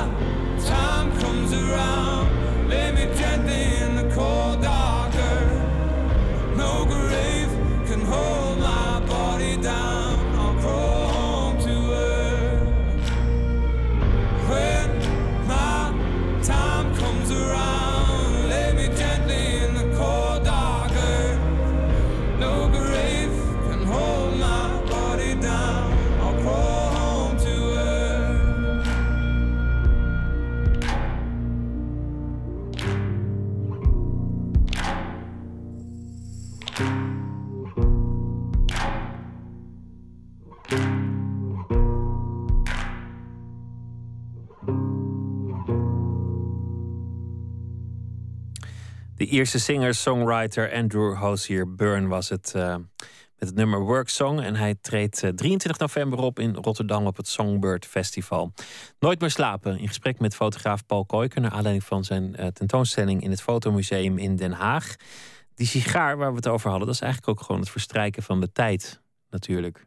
Dat klinkt heel mooi. Ja. Een sigaar, dat is, dat is Ja. gewoon tijd die is voorbij gegaan. Ja. En, en dat is tijd, een chemische reactie. Ja. Verbranden van tabak. Dat, en het is ook tijd van jouw leven. Precies. Ja. En het is iets waar je naar verlangd hebt, wat daarna ineens helemaal niet meer zo mooi is. Je, Ja, het is heel dood uiteindelijk. het is dood. Ja. Het is gewoon de dood. Ja. En, en wat, is dan een, wat is dan een naakte vrouw? Ehm, een naakte vrouw is een naakte vrouw. Oké, nou, dat, Dat doe, doe, doe, doe ik het voor. Ja, ik doe niet moeilijk vandaag. nou, dat is, dat is, er zit iets voyeuristisch in. En, en Ja. voyeurisme speelt op de een of andere manier in jouw werk een heel grote rol. Ja, omdat ik, ik, ik, ik beeld nooit het. eh, ik laat eh, mensen kijken nooit aan. Dus eigenlijk het gezicht wordt nooit afgebeeld. En dat maakt het eigenlijk al heel snel voyeuristisch. Het is ook veel veiliger voor, voor mij als mij, mensen mij niet aankijken. Dus ik ben eigenlijk ook niet geïnteresseerd in het portret. Dus het is. Dat is eh, en juist dat, dat die, hoe, hoe, zo'n, hoe, ja, hoe het menselijk lichaam in de beeldende kunst, hoe dat afgebeeld is in de laatste paar honderd jaar. Dat vind ik eigenlijk heel erg interessant. Hoe zo'n, hè, dat is eigenlijk wat mij bezighoudt. Want het, eh, het naakt is, is een heel klassieke eh, vorm Ja. in feite. Hè? Ja. Want dat, dat is in de schilderkunst. Rembrandt deed Ja. naakte. En eh, die impressionisten die tijd deden ze ook wel naakte. Iedereen, iedereen doet wel een keer een naakt. Ja. ja, maar wat interessant is in de fotografie heb ik ook nog een keer een medische fotografie. Je hebt fotografie, in, een soort politiefotografie. Je hebt oorlogsfotografie, waar ook naakt in voorkomt. Dus is wel grappig dat dat veel, weer veel breder is. En dat is ook, die, wel, ook wel een soort inspirerend voor mij. Dat, eh, eh, ik van vroeger, ik weet nog, toen ik net begon met, eh, toen ik op de academie zat, toen kreeg ik van die, af en toe van die medische boeken met naakt. En het is, heel interessant hoe dat, hoe dat werkt. Dat, heel kwetsbaar en heel. en dat, dat is ook wel fascinerend. Dat, dat, dat, en dat heeft natuurlijk. in de klassieke schilderkunst had je dat natuurlijk niet als inspiratie. Maar juist in die fotografie is het zo opgewekt. Dat, Voyeurisme is, is eigenlijk iets totaal anders dan porno of een pin-up of, of glamour. Want dat is juist gemaakt Ja. om, om jou te plezieren. Dus, dus dat kijkt je vol aan. Ja. Maar dan is het niet meer interessant. Want de voyeur die wil iets betrappen dat eigenlijk niet voor zijn ogen bestemd is. Nou, ik kan eigenlijk zeggen dat fotografie is natuurlijk... Ik bedoel, de essentie van fotografie is bijna voyeurisme. Ik denk bijna ieder fotograaf is bijna is natuurlijk een voyeur. Alleen het heeft natuurlijk ook een soort... Uh, het heeft een beetje negatief, omdat je dat, omdat je dat moment wil betrappen. Ja, maar het is ook heel veilig achter een camera. En uh, uh, dat alleen al, als je achter een camera staat... is alsof, alsof je door, door een... Hè, je kijkt er door, door, door, een, door een lens ergens. En, en het is... ja, dat is, dat is gewoon... 100% voyeurisme natuurlijk. En ik, ik, ik zet het al iets meer aan. Want ik vind wel, ik, wat ik wel heel mooi vind, dat als ik aan een, een werk begin, dat het eigenlijk uh, na maanden werk, dat je denkt van het gaat er nog alleen maar over kijken. Weet En is voyeurisme dan een soort ultieme, ultieme kijken. Ze wordt dan ook, je kan ook gluren noemen, maar dat is dan zo uh, gluren tot de essentie het... teruggebracht van kijken, dat voyeurisme. Dat... Waarom, waarom is gluren de essentie van het kijken? Nou ja, als fotograaf, of zoals ik, me, zoals ik in het leven sta, in, binnen, in mijn werk, denk is, is dat natuurlijk. Uh, je hebt een hele mooie manier van communiceren met je publiek. Dat je, geeft iets aan het publiek. Mensen mogen meegluren. En dat is niet altijd prettig. Ik merk ook dat mensen. Ik heb toen in 1996 een werk gemaakt. Uh, waarmee ik toen de Prix de won. Was een soort, uh, drie maanden werkperiode. Dan mocht je een nieuw werk maken. Toen ben ik op een onscherp, op, met, uh, op mijn kamer op onscherp gezet. En ben ik foto's, foto's gemaakt van vrouwen die in het bos aan het plassen waren. Op afstand. Dus je zag, uh, af en toe zag je alleen maar zo'n heel klein beetje dat er iets aan de hand was. En, uh, maar volledig geanceneerd. Je bent niet echt, geanceneerd, ja. Niet echt iemand gaan betrappen, want dan ben je ook wel heel lang bezig voor je in het bos zoveel Precies, plassende vrouwen hebt. Iedereen weet dat zo'n moment wel eens gebeurt. Je loopt als met je vriendin door het bos en iemand, of met je moeder, of maakt niet uit wie, met je tante of met heel de familie. En af en toe moet iemand plassen. En, uh, en eigenlijk die momenten, het is eigenlijk een soort cliché wat je eigenlijk nooit ziet. Je, je, je, je weet, iedereen heeft er wel een beeld van. Hè? Een, een, vrouw die gaat plassen in het bos. Maar, dus ik heb er eigenlijk heel werk over gemaakt. En wat er dan gebeurt is dat als mensen dat werk zien... en ze waren nog 40 foto's aan de muur... en op sommige was er iets te zien en sommige niet. Waren allemaal hele mooie bosfoto's. En dat je als, als toeschouwer wordt dus voyeur. Dus je gaat zitten zoeken. Je gaat, oh, zie ik daar iets? Nou, nee, oh, daar zit wat. Nee. En je probeert ook een soort afstand te krijgen tot het werk. Want het is onscherp, dus ga je dichterbij, je gaat verder af. En dat is eigenlijk, daar ben ik wel geslaagd in mijn opzet. Dat het je moet niet compleet zijn, het mag over of onderbelicht zijn. Ja. Maar het gaat niet over, over iets gels. Want voyeurisme associeer je met iemand die zin heeft om iets wellustigs te betrappen. Ja, ja zo, zo zie ik voyeurisme eigenlijk niet. Maar dat is natuurlijk ook wel... Dat is, dat is de, de meest gebezigde ja. vorm. Nou, het heeft, af en toe, het heeft af en toe ook wel die kant. Maar dan... Uh, het is ook wel, is ook vaak wel discussie over mijn werk. Dat mensen zeggen, ja, het is, uh, is pornografisch of het is seksistisch. Of het, maar het is wel... In, het, ik speel met die elementen, maar ik, ik laat ze net niet zien. Dus ik, ik, ik vind het wel interessant als het iemand, iemands hoofd plaatsvindt... dat iemand denkt van, oh, dit, wat hier net gebeurd is. Dus... Je ziet wel een tiet of je ziet wel een kont, maar het, het is toch niet dat? Nee, maar of dat je denkt... Uh, wat ik ook wel eens heb gedaan in het project... dat ik ook uh, fotografeerde ik modellen in mijn studio... en voordat de mensen kwamen, fotografeerde ik de studio... Uh, als, natuurlijk als ze er waren, fotografeerde ik de modellen in de studio... en ook als ze weg waren, fotografeerde ik de studio. Dus kreeg je bijna een soort van alsof je een soort heel, heel traject fotografeert, maar ook een soort van, uh, bij een soort, uh, zoals met je politiefotografie ook hebt, dat je, dat je een soort na, na de, na de dat het een crime scene wordt. Het wordt een crime scene. En dat wordt het vanzelf. Hè? De studio is wat, is wat slordiger geworden. Je maakt een foto van. Het heeft een soort zo ongelooflijke lading. Dat iemand daar geweest is. En, dat, en uh, dus zo speel je. Zo wordt het ook heel spannend. Hè? Dat is ook, en dat heeft ook wel een soort ik had wel een soort erotiek erin, of juist niet. Of juist, dat moet je als toeschouwer moet je daar, moet je daar mee, je weg in vinden. Dat is... Maar voyeurisme heeft ook inzicht dat je, dat je de ware schoonheid moet betrappen. Dat, dat het pas echt mooi wordt als het niet voor jou bestemd is. Jij wordt de hele dag gefopt. De hele dag willen mensen jou voor het lapje houden met voor jou bedoelde plaatjes. Maar het ware gesprek vindt pas, pas plaats als jij de kamer uitloopt. Dan weet je pas echt wat je vrienden van je vinden. en, en de ware schoonheid, dat is pas als het meisje niet voor jou poseert, dan zie je pas echt hoe mooi ze lacht. Of, of, of hoe mooi haar billen zijn, of wat dan ook. Ja. Er zit, zit ook een soort zoektocht naar de, ultieme schoonheid in. Dat is ook het tragische van, van, van alle porno en alle reality-series. Ja. Dat zijn exhibitionisten, daar heb je als vario niks aan. Nee, nee. nee. Dat klopt. Ja. Wegrennende meisjes uh, uit het bos, dat was ook zo'n serie. Plassende meisjes in het bos dikke vrouwen, dat, dat zei ik al. Dan, dan, dan ga je op zoek naar een modellenbureau en dan zeg je: Ik wil niet die mooie slanke vrouw, maar ik wil juist iemand die heel groot is. Kan natuurlijk ook best mooi zijn, daar daar gaat het niet over. Ja. Maar dat is, dat is nog moeilijker om naar te kijken. Op de een of andere manier. Een, een naakte vrouw die overgewicht heeft, is moeilijker om naar te kijken dan iemand Ja. die het niet heeft. Ja, ik heb het niet zozeer, maar het, eh, dat project is eigenlijk... Ik heb, ik heb gewoon eigenlijk eh, een jaar lang modellen geboekt... die inderdaad wat voller waren. En het is eigenlijk eerder ontstaan uit... Ik was geïnteresseerd in, in, die, in die schilderstudies van het begin vorige eeuw. Eh, vooral mensen als Breitner en zo... die dan foto's maken van modellen in de studio... en daarna om van die foto's weer een, een schilderij te maken. En juist die foto's vind ik vaak veel interessanter... dan die schilderijen die eruit kwamen. Dus ik ben eigenlijk een soort probeerde die fase ook vast te leggen voor mezelf. Dat ik, probeer gewoon zo studies te maken in mijn atelier. Die bij, bij mij niet tot een soort eh, eindresultaat leiden, maar die, dat was zelf eigenlijk al een eindresultaat. En ik vond het zoveel passender om dan eh, eh, ja, niet vrouwen te gebruiken die maat 36 hebben, maar gewoon eigenlijk gewoon veel alledaagse vrouwen te gebruiken. En ik denk dat maat 42 normaler is dan maat 36. Op, in het straatbeeld. dat, dat, dat komt Nee, dus dat vaker voor, ja. Dus gek is dat, dat eh, als je dan zo'n zo'n boek over gemaakt... en er staan heel veel eh, wat molligere vrouwen in... en dan wordt er toch heel veel mensen hebben, hebben, hebben zoiets van... oh ja, allemaal dikke vrouwen of allemaal zo. Maar het valt allemaal mee. Je zal zien als je nog een keer kijkt, als je thuis bent, als je het boek thuis hebt... dat het toch wel meevalt. Alleen het is wel gek dat die discussie daarover plaatsvindt. hè. Nou ja, Dat omdat je de hele dag bestookt wordt via reclame en, en andere eh, media met, ja, klopt. met ja. maatje 36 Ja, of, of, ja. of minder. Hebben mensen moeten wennen aan jouw werk? Want, want je noemde net 1996 de Prix de Rome. Dat Ja. is de meest prestigieuze prijs die je in dat vak ongeveer kunt winnen. Daar, daar begon een, een carrière. Elke keer doe je iets anders. Je, hebt- je hebt eigenlijk heel erg een eigen hoek gevonden. Ja. Hoe, hoe zorg je ervoor dat je in, in zo'n branche 20 jaar op dat niveau meedraait? En dat je 20 jaar Ja. interessant blijft voor Ja, iedereen? dat is, het is natuurlijk nooit een strategie. Dus eh, het gekke is, de methode van werken die je dan je zelf eh toegeëigend hebt, die is eigenlijk niet. eh daar heb je bijna geen controle over. Wat ik heb gemerkt dat ik elke keer als ik een project af heb, dan stop ik daarmee. Dus ik zal nu nooit meer een wegwennende vrouw in de duinen fotograferen. Of een plassende vrouw in het bos. Of een... Dus dat zijn afgesloten projecten. En dan begint weer een nieuw project. Dat maakt van in het begin wel eens moeilijk. Dat mensen dachten van, we zijn net gewend aan het werk. En dan komt hij met iets anders.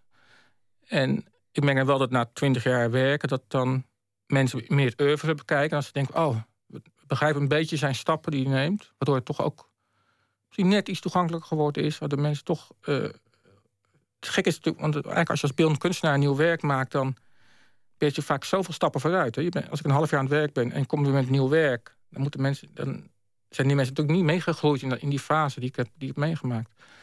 En dat is... eh, eh, Maar nou, dat is een beetje mijn manier van werken. Ik begin elke keer weer bij, op nul. Ik, ik, ik sluit het project af en ik begin een nieuw project. En je hebt natuurlijk ook kunstenaars die gewoon langzaamaan heel mooi voortborduren op, op één thema of één manier van werken. Maar toch is het wonderlijk dat je, dat je iets neemt als sigarenpeuken. In combinatie met andere dingen. Dat je daar steeds een beeld van maakt. En dat je daar internationale galeries en eh, toonaangevende musea en, en, en de kunstpers geïnteresseerd voor krijgt. Ja. Dat, dat is, ik bedoel, ik, ik zie Ja. wel de esthetiek en wat er bijzonder aan is. Maar die eerste stap naar dat mensen er naar willen kijken op de manier waarvan jij hoopt dat ze er naar kijken, die vind ik bijzonder. Nou ja, dat is, dat is, maar dat komt wel door een oeuvre. Ik denk, als, je, eh, ik denk als ik nu twintig was geweest, dan was dat complexer geweest om het naar buiten te brengen dan nu. Eh, Dus je hebt ze rijp moeten maken voor die peuken. Nou ja, het is. eh, ik durf steeds meer. Ik denk ook dat het werk wat ik nu gemaakt heb, dat had ik niet tien jaar geleden durven maken eigenlijk. Ik merk, ik, eh, het is complexer, het is, eh, het is eh, meer op de grens van, van banaliteit ook. En, en het is minder veilig. Het kan net omslaan. Kan net even. dus het, het, het is toch een soort spel wat je speelt, waar je steeds, je neemt steeds meer risico's. En dat is eigenlijk wel mooi dat je, hoe langer je bezig bent, dat je dan toch jezelf weet uit te dagen om. Wanneer slaat het om? Als mensen het niet meer pikken? Of Nou, als, het, als het anders? eenduidig wordt, hè? als mensen alleen maar denken: van, oh ja, dit is dit. Oh, dat is een peuk. Ja, terwijl als je. Nou, ik dat hoop ik niet wat er gebeurt, natuurlijk.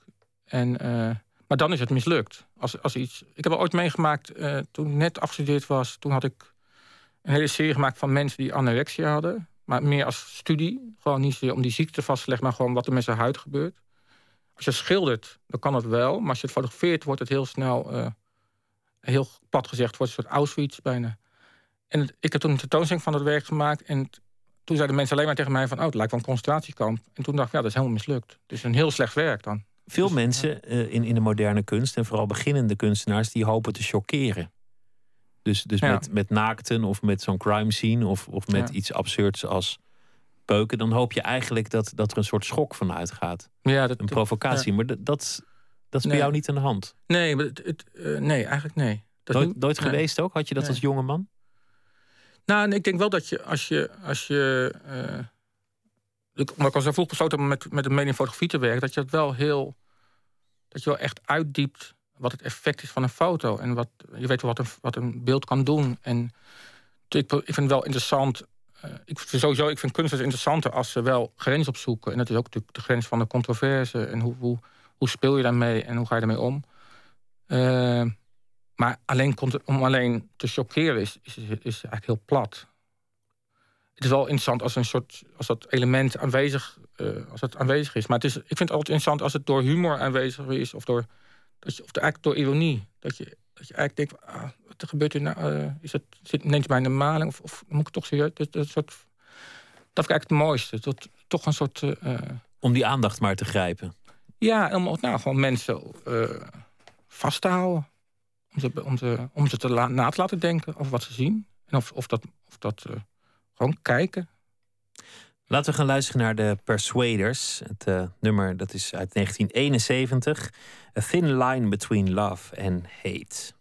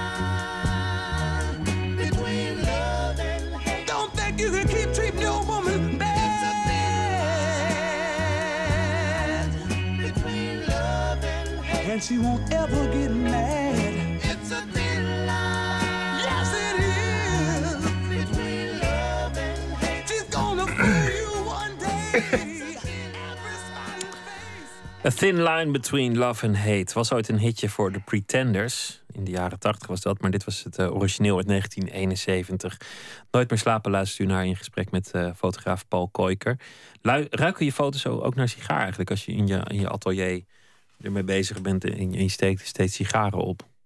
Kan je, kan dan als je aan die, aan die foto ruikt...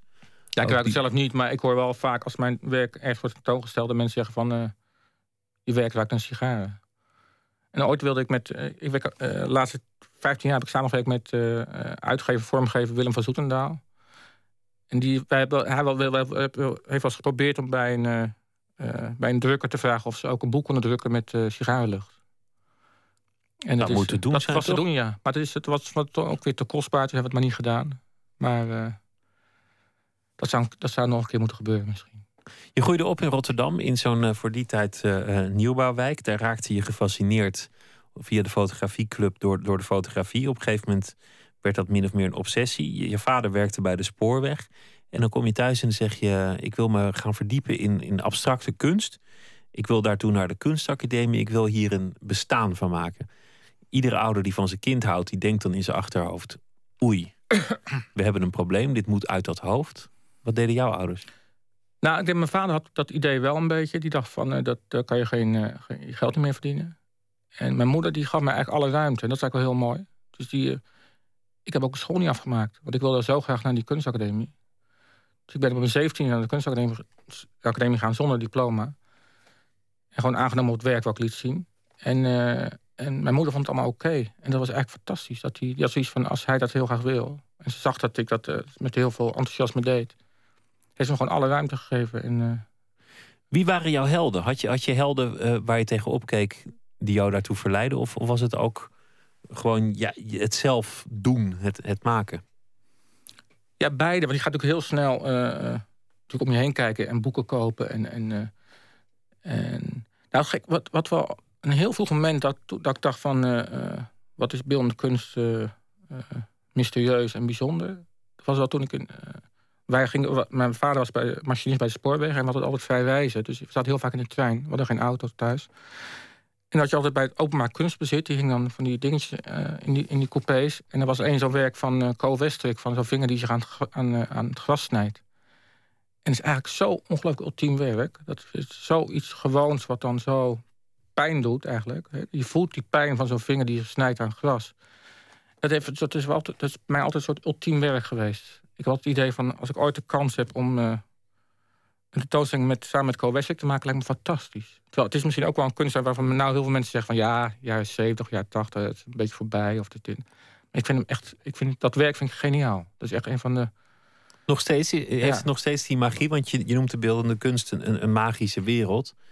Je zou verwachten dat je op een gegeven moment dingen ook wel gaat doorzien met de jaren. Ja, maar ik denk goede werk of goede kunstenaars, dat, dat blijft een soort van. Uh, ik begrijp ze wel, maar dat is dan ook alles mee gezegd. Je voelt elkaar aan zonder elkaar nooit ontmoet te hebben. Je ziet dat er werken, uh, verbindingen maken. En uh, zo bouw je eigenlijk een soort van vrienden op in de kunst om ze ooit te ontmoeten. Je weet gewoon, ik begrijp het werk van die kunstenaar... en hij zal mij ook wel begrijpen als we elkaar ooit zouden ontmoeten. Weet je? Als, als hij mijn werk zou zien. Je zit op één lijn. Ja, en dat is eigenlijk, dus je bouwt eigenlijk al, al van jongs af aan... als je daarmee begint, bouw je eigenlijk al een soort van... Uh, veiligheid op van, oh ja, er zijn meer mensen zoals ik. En dat is natuurlijk al heel prettig. Want je staat natuurlijk redelijk snel alleen als beeldkunstenaar. Voor als je jong bent van... Uh, ja, uh, het is niet het meest... Uh, het is een redelijk eenzame keuze die je dan maakt. Het is een eenzaam beroep. Het is ook een, een eenzaam bestaan. Ook al, ook al is er niemand die klaagt over je sigarenroken in, in het atelier. Is het natuurlijk toch een eenzaam bestaan. En je moet... Je bent zo goed als je laatste werkt. Dus je moet dat ook helemaal zelf doen. Je hebt je, hebt je eigen weg daar wel in gevonden. Merk je ook dat alles waar, waarbij je zelf worstelt in je leven zijn weg vindt. Nou ja, foto's, ook al zijn ze vrij abstract, ook gaat het om, om, om dieren, naakte en, en sigarenpeuken dit keer bijvoorbeeld. Zie je er wel je eigen afwegingen in terug? Ik begin, wat bedoel je precies? Uh... Nou ja, je, je bent nu eh, twintig jaar verder dan, dan je was. En je, je begon op je dertiende. Is dat uiteindelijk ook je manier van leven die zich vertaalt naar de, naar de manier waarop je zo'n peuk fotografeert? Oeh, dat is moeilijk. Ja. Nou ja, wat, wat, wat, wat ik wel. Kijk, ergens is natuurlijk alles, al, al die combinaties die ik maak, of al die series die ik, uitwerk, dat is natuurlijk. Aan de ene kant is het wel heel privé, maar uh, bijna alleen privé voor mezelf. Uiteindelijk, het werk heeft toch een soort afstand. Ik mensen die kijken gewoon naar uh, werken. Uh, die niet heel erg, het is niet direct een soort ego-document, wat ik laat zien.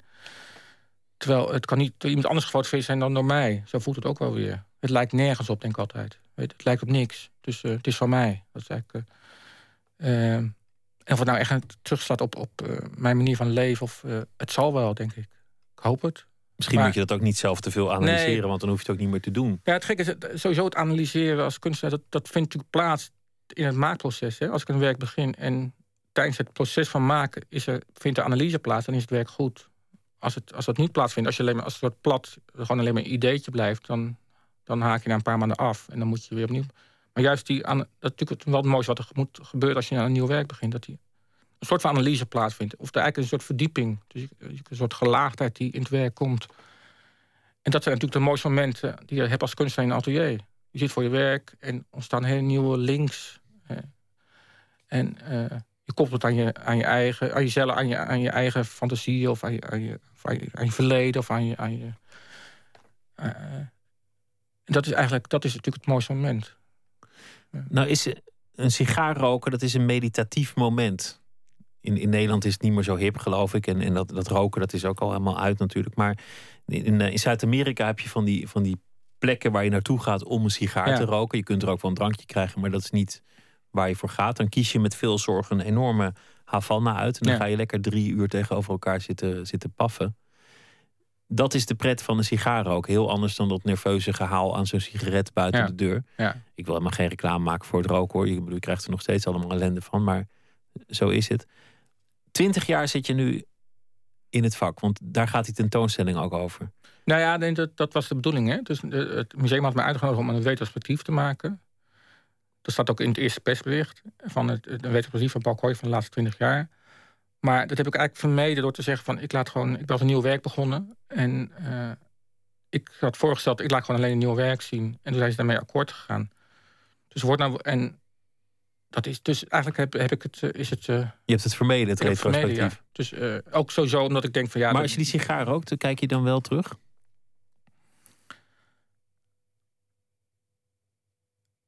Even nadenken hoor. Wat je nou precies bedoelt. Nou, je zit zo te paffen en je kijkt naar je atelier en dan denk je, goh, 20 jaar. Dus dat is nee. nee, zo denk ik nooit. Nee. Nee, nou, ik ben jou, nou, nou denk ik terug, maar ik, ik denk nooit zoveel terug. Uh, vooral je kunstwerken die gaan ook gewoon. Gek is als een kunstwerk ouder is dan tien jaar, die gaan dan wel zijn eigen leven leiden. Het wordt dan gewoon tentoongesteld in het buitenland of op andere plekken. En, en, maar uh, dat gebeurt, maar ik denk nooit, ik denk niet, ik word niet nostalgisch daarvan. Hè? Het is niet, uh, ik zwijmel niet in, met een sigaar in mijn hand van, oh, wat, uh, wat heb ik allemaal meegemaakt de laatste twintig jaar. Het is, Nee, maar als je, als je het optelt en nou ja, zeg 10 sigaren per dag en dan 20 jaar lang, dan zit je dus. Ja, is veel hoor, 10 sigaren per dag. 5 sigaren per dag, dan zit je op 1500 keer 20, dan zit je op 10.000 sigaren. En dan nou ja, op een gegeven moment dan blaas je je laatste wolkje rook uit. Is toch ook wel een moment dat je, dat je met een zekere trots kunt zeggen: Nou ja, dit heb ik allemaal gedaan. Nee, dat heb ik nog niet. Dat, daarom heb ik misschien ook dat retrospectief vermeden hoor. Uh, en misschien is het ook wel heel erg klassiek en heel uh, clichématig om te zeggen... van ik heb mijn beste werk nog niet gemaakt. Maar daar ga ik nog steeds vanuit. Ik vind, op mijn laatste werk vind ik altijd mijn beste werk. En daarna ben ik toch weer uh, ongelukkig over het resultaat. En dan gaan we maar weer verder. Dus, en ik geloof, ook steeds dat... dat ik geloof ook niet in een soort ultieme werk. Ik heb elke idee van... ik heb nog genoeg te vertellen. En, we, en ja, dus, ja, ja als, je je ultieme, als je je ultieme werk gemaakt hebt, dan, dan kan je het net zo goed niet nee, meer Nee, lijkt me redelijk uh, ingewikkeld, ja. Dan ben je er wel, toch? Ja, maar dus ik, ik heb niet zoiets van... Uh, ik heb nou al een heel groot... Ik heb wel een groot oeuvre, maar... Ik ben af en toe wel trots op dat ik denk van... oh ja, het gaat allemaal... Het wordt, het wordt tentoongesteld, het vindt over zijn plek... het wordt verkocht, ik kan ervan leven. maar tevreden is weer wat anders, ja. Of, of ik, ik zit dan niet tevreden aan mijn sigaar te, te trekken... en denken van, denk het van, uh, wat is allemaal uh, goed gegaan. Te zien uh, vanaf volgende week in het Fotomuseum in Den Haag. De tentoonstelling met de, de titel, hoe was het ook alweer? Cigars. Nude, Animal, Cigar. Nude, Animal en Cigar. Paul Koiker, dankjewel dat je het gast wilde zijn. We gaan luisteren naar uh, Lucinda Williams met het nummer Burning Bridges van haar uh, laatste album, waarvan de titel is Down Where the Spirits Meet the Bone.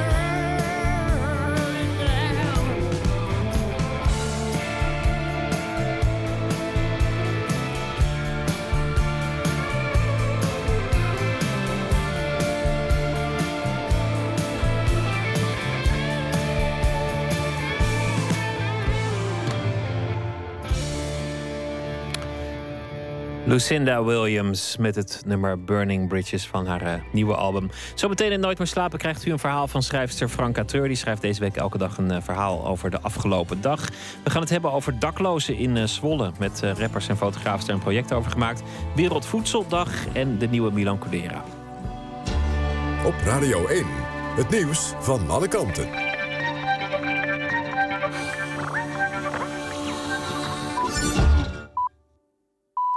1 uur. Renate Evers met het NOS Journaal. Vakbond De Unie is bang dat het plotselinge vertrek van Camille Eurlings bij de KLM gevolgen heeft voor de werkgelegenheid bij de luchtvaartmaatschappij. Dat zei voorzitter Kastelein in Nieuwsuur. De nieuwe topman Elbers is volgens Kastelein iemand die de confrontatie met de bonden niet schuwt. Eurlings had met de bonden afgesproken dat de KLM niet zou hoeven opdraaien voor de kosten van de stakingen bij Air France. De Unie wil de KLM daaraan houden, ook al is Eurlings weg. Mensen met een pensioen van het ABP krijgen volgend jaar de inflatie niet gecompenseerd. Het grootste fonds van Nederland kan de pensioenen niet verhogen omdat de vereiste dekkingsgraad niet wordt gehaald. Het ABP kan de pensioenen al een paar jaar op rij niet indexeren. En daardoor lopen die nu ruim 9% achter op de stijging van het prijspeil. En er zijn meer fondsen die een te lage dekkingsgraad hebben, zoals het metaalfonds PMT. De meeste hebben nog geen besluit genomen over wel of niet indexeren, maar de kans daarop lijkt klein. De Dow Jones is na een wilde beursdag met forse koersschommelingen 1,1% lager gesloten.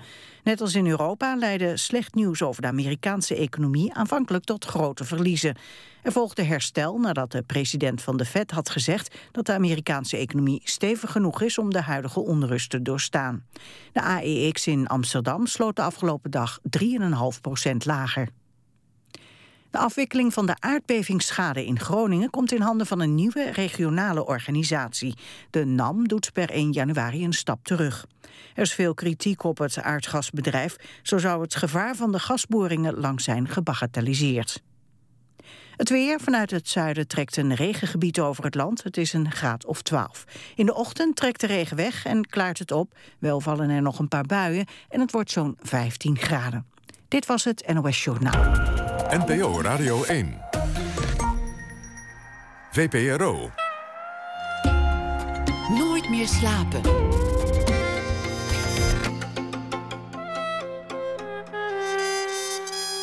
Met Pieter van der Wielen.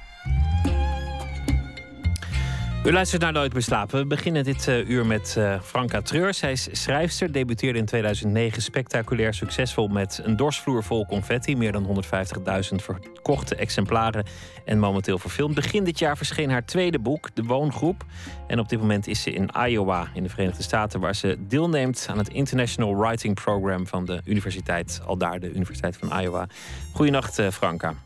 Hoi, hallo. Wat is dat eigenlijk voor programma waar je bij betrokken bent nu in Iowa? Ja, nou in Iowa hebben ze uh, de creative writing uitgevonden. En dat, dat is een hele grote opleiding geworden hier. En dat model is gekopieerd naar allerlei andere plekken in de Verenigde Staten en eigenlijk over de hele wereld. Behalve in Nederland, daar bestaat het niet. Bij ons kun je roman schrijven niet uh, leren op universitair niveau, maar bijna overal in de wereld kan het wel. Maar in Iowa hebben ze dus een hele grote literaire faculteit en ook de hele gemeenschap daaromheen is erg betrokken daarbij. En ze nodigen elk jaar, elk najaar, uh, iets van 30 schrijvers van over de hele wereld uit om, uh, uh, ja, om de hele faculteit, maar eigenlijk de hele stad te verrijken met nieuwe ideeën en nieuwe, ja, nieuwe schrijvers, nieuw werk. We moeten, moeten steeds eh, lezingen houden over ons werk en we organiseren filmavonden met films uit onze landen die, die ze anders hier nooit te zien zouden krijgen. Uh, we geven gastcolleges en ook op scholen. En, Allemaal op uitnodiging van de Universiteit van, van Iowa? Ja, ja de, de, de staat betaalt het. Het is uh, de, de in Amerika, zeg maar. Niet, niet Nederland. Maar nee, dat is heel belangrijk dat je dat zegt. Want, want ik ken via de sociale media, die, uh, die bronwaterbron van morele vergelijking. Weet ik dat mensen heel bang zijn dat ze ergens voor betaald hebben. Dat hebben ze niet. Nee, Nederland heeft er niet voor betaald. Althans niet voor mij dan. Uh, sowieso niet voor de anderen. Maar het, uh, zijn voor 15 schrijvers is deze beurs betaald door de staat. Dus Obama door- heeft... door Dat, luistert gewoon lekkerder, weet je? Dan weet je van, oké, Ja, ja, ja. dus niet op mijn kosten voor- zit zij daar. Precies. En 15 andere schrijvers die hebben het wel vanuit hun eigen land eh, gesponsord gekregen. Goed. Wat, wat, wat zijn dat voor schrijvers? Wie, wie zitten daar zoal? Nou, het is echt, ze hebben echt gekozen voor elk, elke regio een paar. Zeg maar. Dus een paar uit Latijns-Amerika, een paar uit Azië, een paar uit het Midden-Oosten, Afrika. Iedereen is vertegenwoordigd. En allemaal bestseller-auteurs in eigen land. Niet per se bestseller-auteurs. Er zijn eigenlijk heel veel dichters en die zijn over het algemeen nooit zo eh, goed in verkopen. Maar wel zijn het vaak mensen die dan ook ehm, eh, eh, dingen samenstellen. Dus, dus bloemlezingen maken van belangrijke dichters uit hun land. Of die op een of andere manier ambassadeur zijn van hun, eh, van, van hun land, van het literaire, van het liter- literaire li- klimaat. En ehm, eigenlijk, eh, volgens mij ben ik de enige die bijna van het schrijven alleen kan leven. Verder is iedereen ook nog wel, eh, geeft les of is journalist of, of iets anders. Ik ben ook een van de jongsten. De meesten zijn eh, wat ouder, allemaal getrouwd, kinderen. Ja, dat is... eh, Je hebt een verhaal geschreven. Waar, waar gaat het over vandaag? Nou, het is wel grappig. Het gaat eigenlijk ook over, over de groep hier. Want, want behalve dan dat het heel interessant is en dat we hele literaire gesprekken voeren en, eh, en veel ideeën uitwisselen, is het ook een, gewoon een heel sociaal groepsgebeuren natuurlijk. We zitten met z'n allen in een hotel en we hebben dan een gemeenschappelijke ruimte en daar zitten we vaak. En eh, ja, er gebeuren ook wel eens dingen waarvan je denkt, die op dat moment zelf niet zo leuk zijn en achteraf misschien wel interessant. Maar soms dan denk je, hè, wat is hier nu aan de hand? En eh, ja, dan, culturele verschillen zijn gewoon groot. Dan heb je mensen die voor het eerst eh, alcohol drinken, omdat ze in hun eigen land dat nooit hebben mogen doen. En mensen die eh, gewend zijn om vrouwen te commande- commanderen. En eh, die dat nu ook proberen. Ja, inmiddels is het alweer een, hebben ze het een beetje afgeleerd. Maar ja, dat soort dingen. Mijn, Ik ben benieuwd naar het gaat- verhaal. ja, mijn verhaal... Nou, ik begin gewoon. Een schrijfster uit Syrië vertelt ineens dat ze nog nooit zo bang is geweest als vorig jaar in de gevangenis en dat ze met haar angst ook later nergens heen kon. Haar vrienden waren dood of gevangen genomen en haar moeder wist alleen te zeggen, dat komt ervan als je zonder hoofddoek over straat gaat. Natuurlijk word je dan in de gevangenis verkracht. We zitten met z'n twaalfen in de gemeenschappelijke kamer van ons hotel. Plotseling hangen daar de woorden verkracht en eenzaam als grote zwarte ballonnen. Iemand moet nu een arm om haar heen slaan. Ik ben niet close met haar. Ik ben net tien dagen in Nederland geweest voor de première van de film Dorsvloer vol confetti. En ik heb gemerkt dat er in die tien dagen allerlei bondjes zijn gesmeed en vriendschappen zijn ontstaan. Maar aangezien niemand iets doet, zal ik het maar, zal ik het maar doen. Net wil ik opstaan als de Griekse schrijver naast mij, nota bene degene met wie de Syrische heel close is, begint te praten. Hij zegt, mijn moeder heeft twee jaar geleden zelfmoord gepleegd, omdat ze depressies had. Ik heb ook veel last van depressies. depressies. Voor mijn partner hoop ik dat de mijne minder erg zijn dan die van mijn moeder. De schrijver uit Singapore staat op en verlaat de kamer. De dichteres uit Australië, wiens memoires ik net aan het lezen ben, maakt daar een opmerking over. Zij is als baby van aboriginal ouders afgestaan aan Australische christenen. Ook haar eigen baby heeft ze afgestaan toen ze op haar negentiende moeder werd. En ik heb net in haar memoires gelezen dat ze op haar zevende is verkracht door haar stiefoom. Ze zegt dat je zo goed kan merken dat de schrijver uit Singapore weinig geleden heeft en dat hij dit soort verhalen daarom niet kan verdragen. Ik verdedig hem en zeg dat we niet weten waarom hij wegging. Misschien moest hij alleen maar even naar de wc. En dat we ook niet weten of hij wel of niet veel heeft geleden. Niemand vraagt de ander iets. Er wordt alleen maar veel verondersteld. Aan mij is bijvoorbeeld na drie weken alleen nog maar gevraagd of ik een gezin heb. En toen ik dat ontkende, vroeg de Saoedische schrijver of ik hier in Iowa mijn moeder miste. Omdat ik nog een paar mails moet versturen, blijf ik ook niet zo lang meer zitten. De volgende dag ontvangen we allemaal een mail van de vrouw uit Australië... waarin ze schrijft dat vooral de tweede helft van de avond zo fijn was geweest... toen degenen die weinig geleden hadden de kamer hadden verlaten. Tot zover het verhaal. Ja, dat is heel mooi. Het is een goede gewoonte die sommige mensen hebben om, om iemands recht tot spreken af te meten aan hoeveel die geleden heeft. Of om in elk, elk verhaal meteen te meten of die ander wel genoeg geleden heeft. Ja, dat is een vrij bizar criterium. En dan zeker als je een avond niet meer gezellig vindt, omdat er mensen in de tafel of aan tafel zijn die niet geleden hebben. Ja, en de grappige, het grappige is dat de mensen die geleden hebben, die zijn juist zo vol van hun eigen leed dat ze eigenlijk bijna nooit vragen naar dat van een ander. En dus ook niet weten of die ander ook wel geleden heeft. Nee, en ook misschien zijn degenen die dan weinig geleden hebben juist wel nodig om, uh, om de vragen te kunnen stellen. Weet je wel? Ja. Degenen die er juist zo vol van hun eigen leed zijn, hebben niet echt de ruimte daarvoor om dan ook nog naar andermans leed te vragen. Dus daar heb je die anderen weer voor nodig. Ik vind het ook wel mooi als mensen tegen elkaar gaan opbieden. Dat heb ik een keer meegemaakt in de spreekkamer bij de dokter. Dan denk je, daar doet iedereen heel discreet. Nee, dat doen ze niet. Dan gaan ze opbieden in leed. Ik heb een kuchje, ja, ik heb een kapot been. Ja, maar mijn dochter is ook ziek. Ja, maar mijn zaak is failliet. Ja, maar ik ben mijn baan kwijt. Dat was een heerlijke bijeenkomst. Ik weet niet eens meer waarvoor ik kwam, maar goed. Ja, het is verder wel gezellig hoor. Je moet niet denken dat het nu alleen maar heel, heel uh, nare, nare sfeer is. Dit was een één avond en die was echt bizar. Maar verder zijn we eigenlijk heel close. En dat komt denk ik omdat we een soort gezamenlijke vijand hebben. En dat is uh, de verbouwing. Het hotel wordt verbouwd terwijl we er zitten. En dat is heel veel lawaai. Dus daar hebben we het, daar hebben we het dan over. Ja. Dat maakt het leven altijd leuker. Een gemeenschappelijke vijand. vijand. Ja. Franka, dankjewel. En het weer, hè? Het, weer hebben we ook. Er zijn hier het, het Midden-Oosten en Afrika en, en Latijns-Amerika is enorm aan het klagen over het weer. En het is hier nu 16 graden en hartstikke lekker. Maar ze lopen met dikke mutsen en bontjassen en ja, het zijn uh, in afwachting van de sneeuw. Sommigen hebben nog nooit sneeuw gezien. Wil je mensen echt gelukkig maken, dan moet je ze iets te klagen geven. Dat is mij al lang duidelijk. Franka, ja, dankjewel. Goeienacht. Ja, tot morgen. Tot morgen. Mary J. Blige uit eh, Amerika, R&B-zangeres, vertrok eh, voor haar nieuwe album naar Londen. Werkte daar met muzikanten als Sam Smith en Disclosure.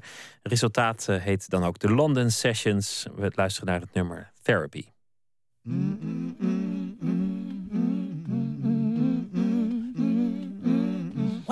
spend the rest of my days unhappy? Why would I spend the rest of this year alone?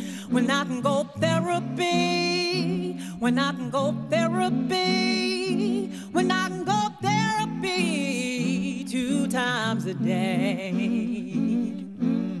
Why would I spend the rest of this week so bitter? And all that listening is making you bitter too. When I can go therapy, when I can go therapy, when I can go therapy two times a day. I don't wanna be around me, and I don't blame you if you're blocking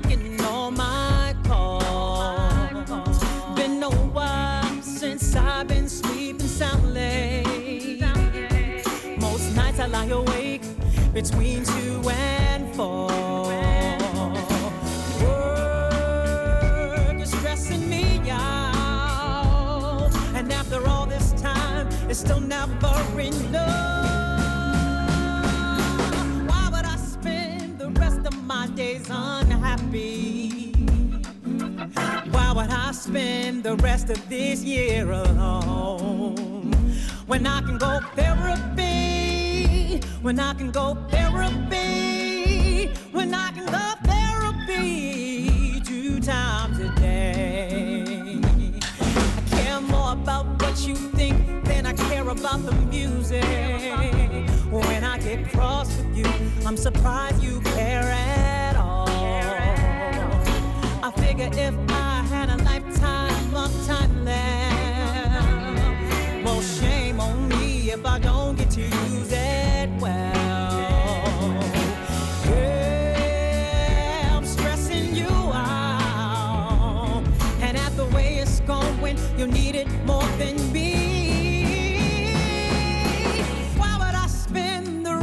my days unhappy?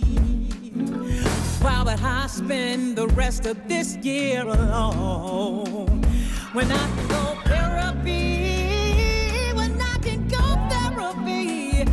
When I can go therapy two times a day? Someone help me turn me around.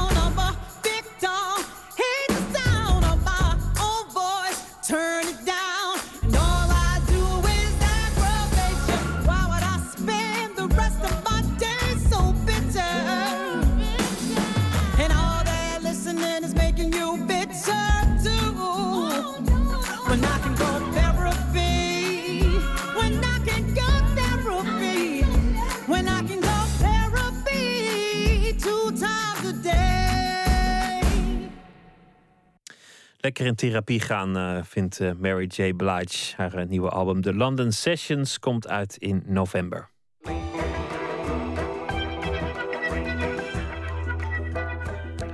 Straat, woord, beeld. Dat is de titel van het project van fotograaf Kinsa Verjani. Verjani moet je uitspreken. En de bekende rapper Stix. Samen gingen ze erop uit, portretteerden vijf daklozen uit hun uh, stad Zwolle. Verjani maakte de foto's, Stix schreef er uh, teksten bij, rapteksten. Samen werd het uitgebracht in een boek met een cd en een tentoonstelling in Museum de Fondatie in Zwolle. Verslaggever Floris Albersen zocht rapper en fotograaf op en sprak ook de twee daklozen.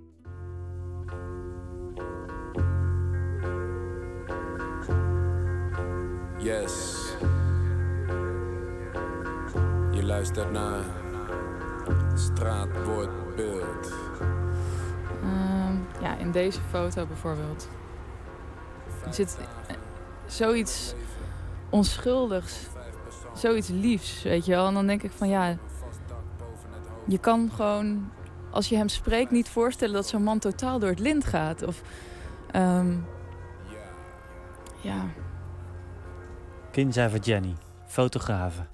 Ze kijkt naar foto's van André, een man van rond de 50, kort geknipt haar, een stoppelbaard, donkere ogen, vlekken in zijn gezicht. André is een van de daklozen uit Zwolle die Jenny fotografeerde. Haar vriend is de bekende rapper Stix. Stix schreef liedjes bij de portretten. Ook van dakloze André, op basis van de gesprekken die hij met hem voerde. Um, op de achtergrond heb ik heel veel gejaagde stemmen opgenomen. En dat, dat, die, dat, die vibe kreeg ik heel erg van het gesprek wat we met hem hadden. Van, je vertelt het heel rustig, maar je hebt heel veel binnen in, in je zitten heel veel uh, onrust en heel erg veel uh, nare gedachten die je ook liever kwijt wil. Dat, dat hoor je wel terug in de opname. En hij kon zich er zelf heel erg in vinden, dus dat is, dat, daar ben ik heel blij om. Dat, die, dat is goed gelukt. Het nummer heet Wil je niet zijn, maar ik ben er. Het is rauwe, bijna psychedelische rapmuziek. Over zwerver André. Eens in het verleden ging ik volledig door het lint. Sindsdien zijn mijn dagen een psychiatrisch labyrint. Maar laat me, vertellen wat ik vind van dit leven en de omgeving waar ik mij in bevind. Ik overdrijf niet, het lijkt op een woestijn. Woestenij, weinig goeds overkwam mij. Nu ben ik moe, vermoeid, ik voel me niet vrij. Zoek naar de beauty op het doek van mijn schilderij.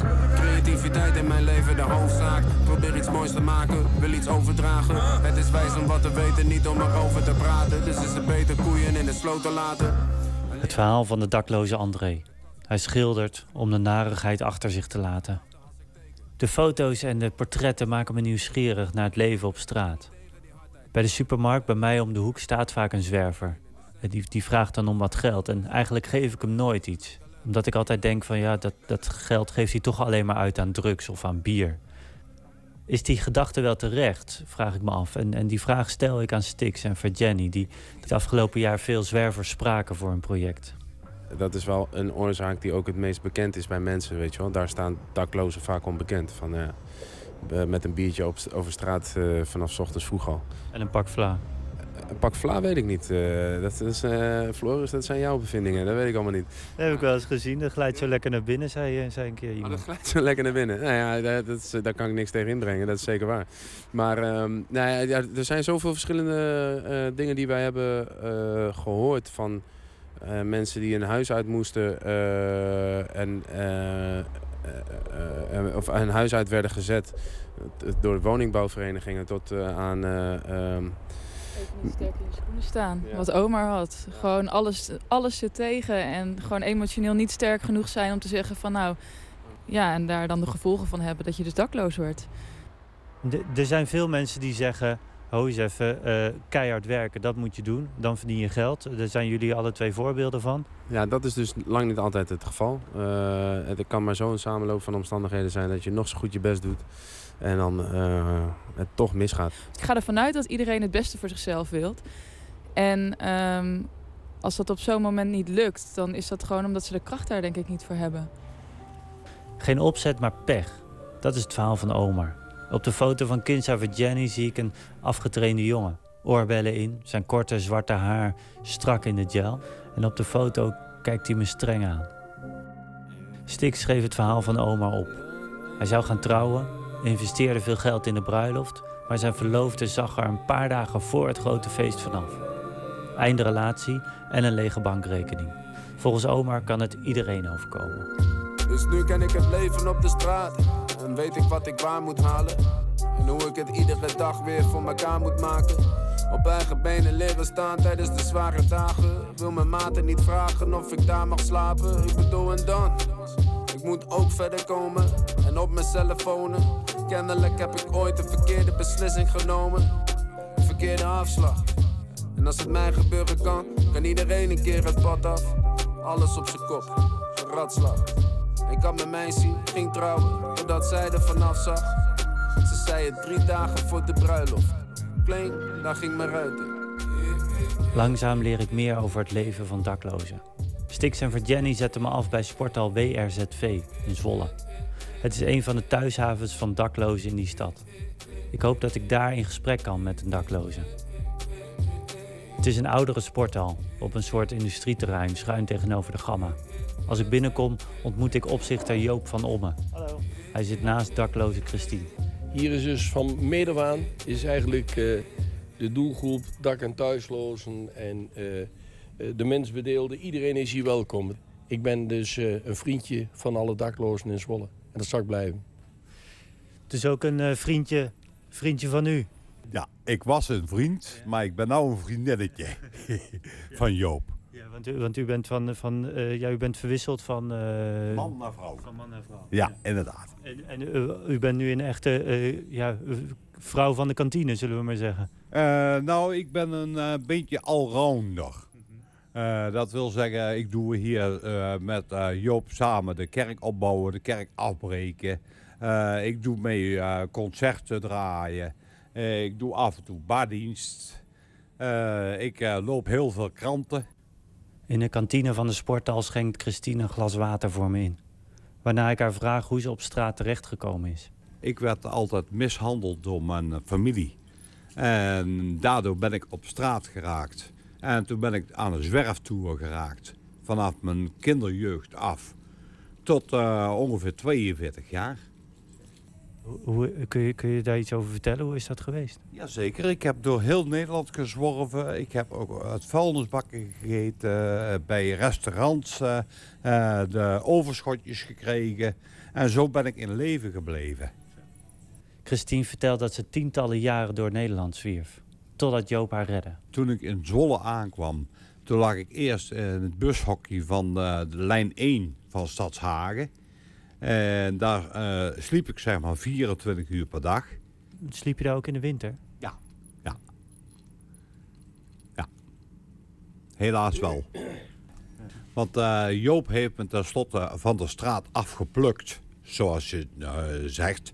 Hoe, hoe ging dat dan? Eh, nou, hij kwam toevallig met het busje langsrijden en hij zag mij op straat liggen. En toen is hij mij mee naar hier de herberg genomen.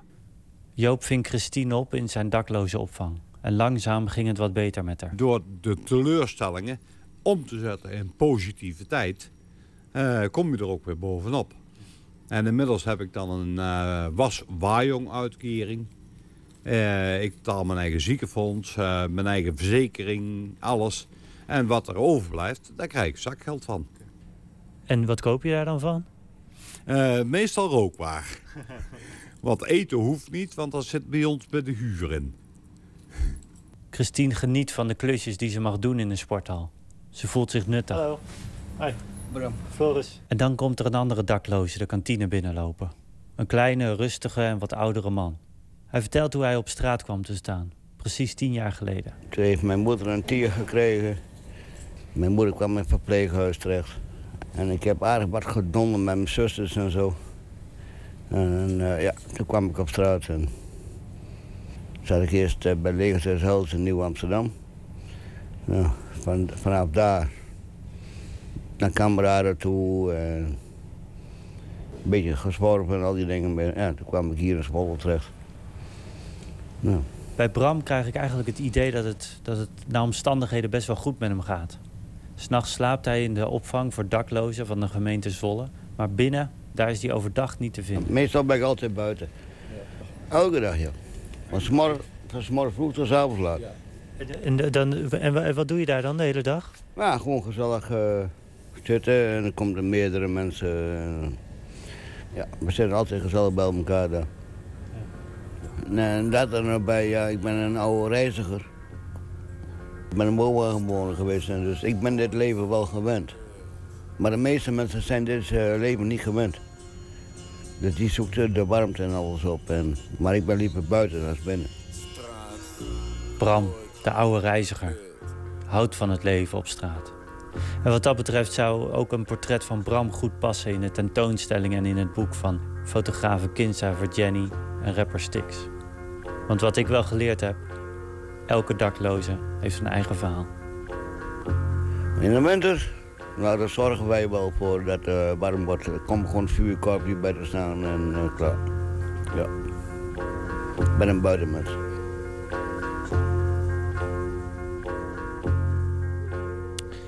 De tentoonstelling Straat, woord, beeld van rapper Stix en fotografe Kinja Jenny is te zien in de Grote Kerk in Zwolle. En eh, gratis voor iedereen die wil. Er is ook een boek en een cd, maar daar moet je wel voor betalen. 15 euro en eh, ligt sinds vorige week in de winkel. Donny Hathaway, als je hem hoort zingen, dan, dan is dat een van de meest positieve stemmen in de geschiedenis van de soulmuziek. Vaak ook samen met Roberta Fleck. Maar intussen was hij depressief. En waarschijnlijk is hij ook doodgegaan aan eh, zelfmoord. Maar daar hoor je niks van in dit eh, nummer vol hoop, The Ghetto.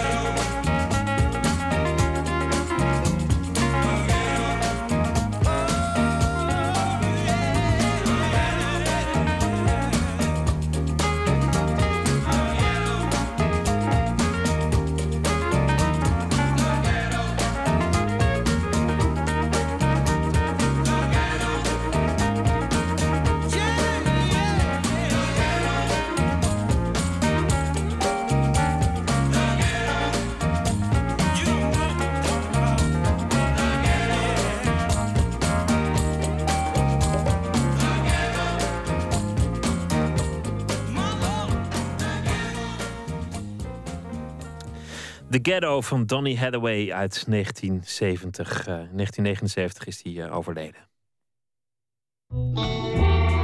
Nooit meer slapen. Het is net 16 oktober geworden en dat eh, betekent dat het Wereldvoedseldag is. Wereldwijd aandacht voor voedsel en allerlei dingen die erover te vertellen zijn. Valt natuurlijk veel zinnigs over te vertellen, maar je kunt er ook heel veel onzin over vertellen. Dat gebeurt dan ook aan de lopende band. Nachtcorrespondent Anton de Goede die eh, signaleerde twee boeken die dezelfde boodschap uitdragen, namelijk Niet alle kletspraat geloven als het over eten gaat. Want de kranten staan vol onzin gebaseerd op persberichten over wetenschappelijk onderzoek dat niet altijd deugt. Laat je kortom niks wijsmaken, Anton de Goede. Goeienacht. Ja, goeienacht, Pieter. Twee schrijvers, twee boeken. Welke zijn het? Ehm, Hans van Manen schreef het boekje Broddelwetenschap. Hans van Manen, wetenschapsjournalist, onder andere bekend uit de Volkskrant. En bekend als de man die niets voor zoete koek aanneemt. En de tweede schrijver is Jaap Seidel, Seidel, hoogleraar voeding en gezondheid aan de Vrije Universiteit Amsterdam. Die komt overmorgen met het boek Het Voedsellabyrint, ondertitel Een weg uit het doolhof van eetadviezen. En het grappige is, laat daar nu in het boekje van Van Manen een hoofdstuk staan waarin hij uitgerekend, uitgerekend die Jaap Seidel lelijk op de vingers tikt. Ehm, wat is het geval? Jaap Seidel was betrokken bij een onderzoek dat de pers heeft gehaald onder de noemer Weg met de frisdrankautomaat. Frisdranken zijn dé grote veroorzakers van overgewicht, is de strekking daarvan. In het boek van Van Manen lezen we nu dat die conclusie eigenlijk veel te kort door de bocht is. Terwijl er over dat onderzoek behoorlijk dik werd gedaan in de pers. Luister naar wat Hans van Manen er vanmiddag over zei.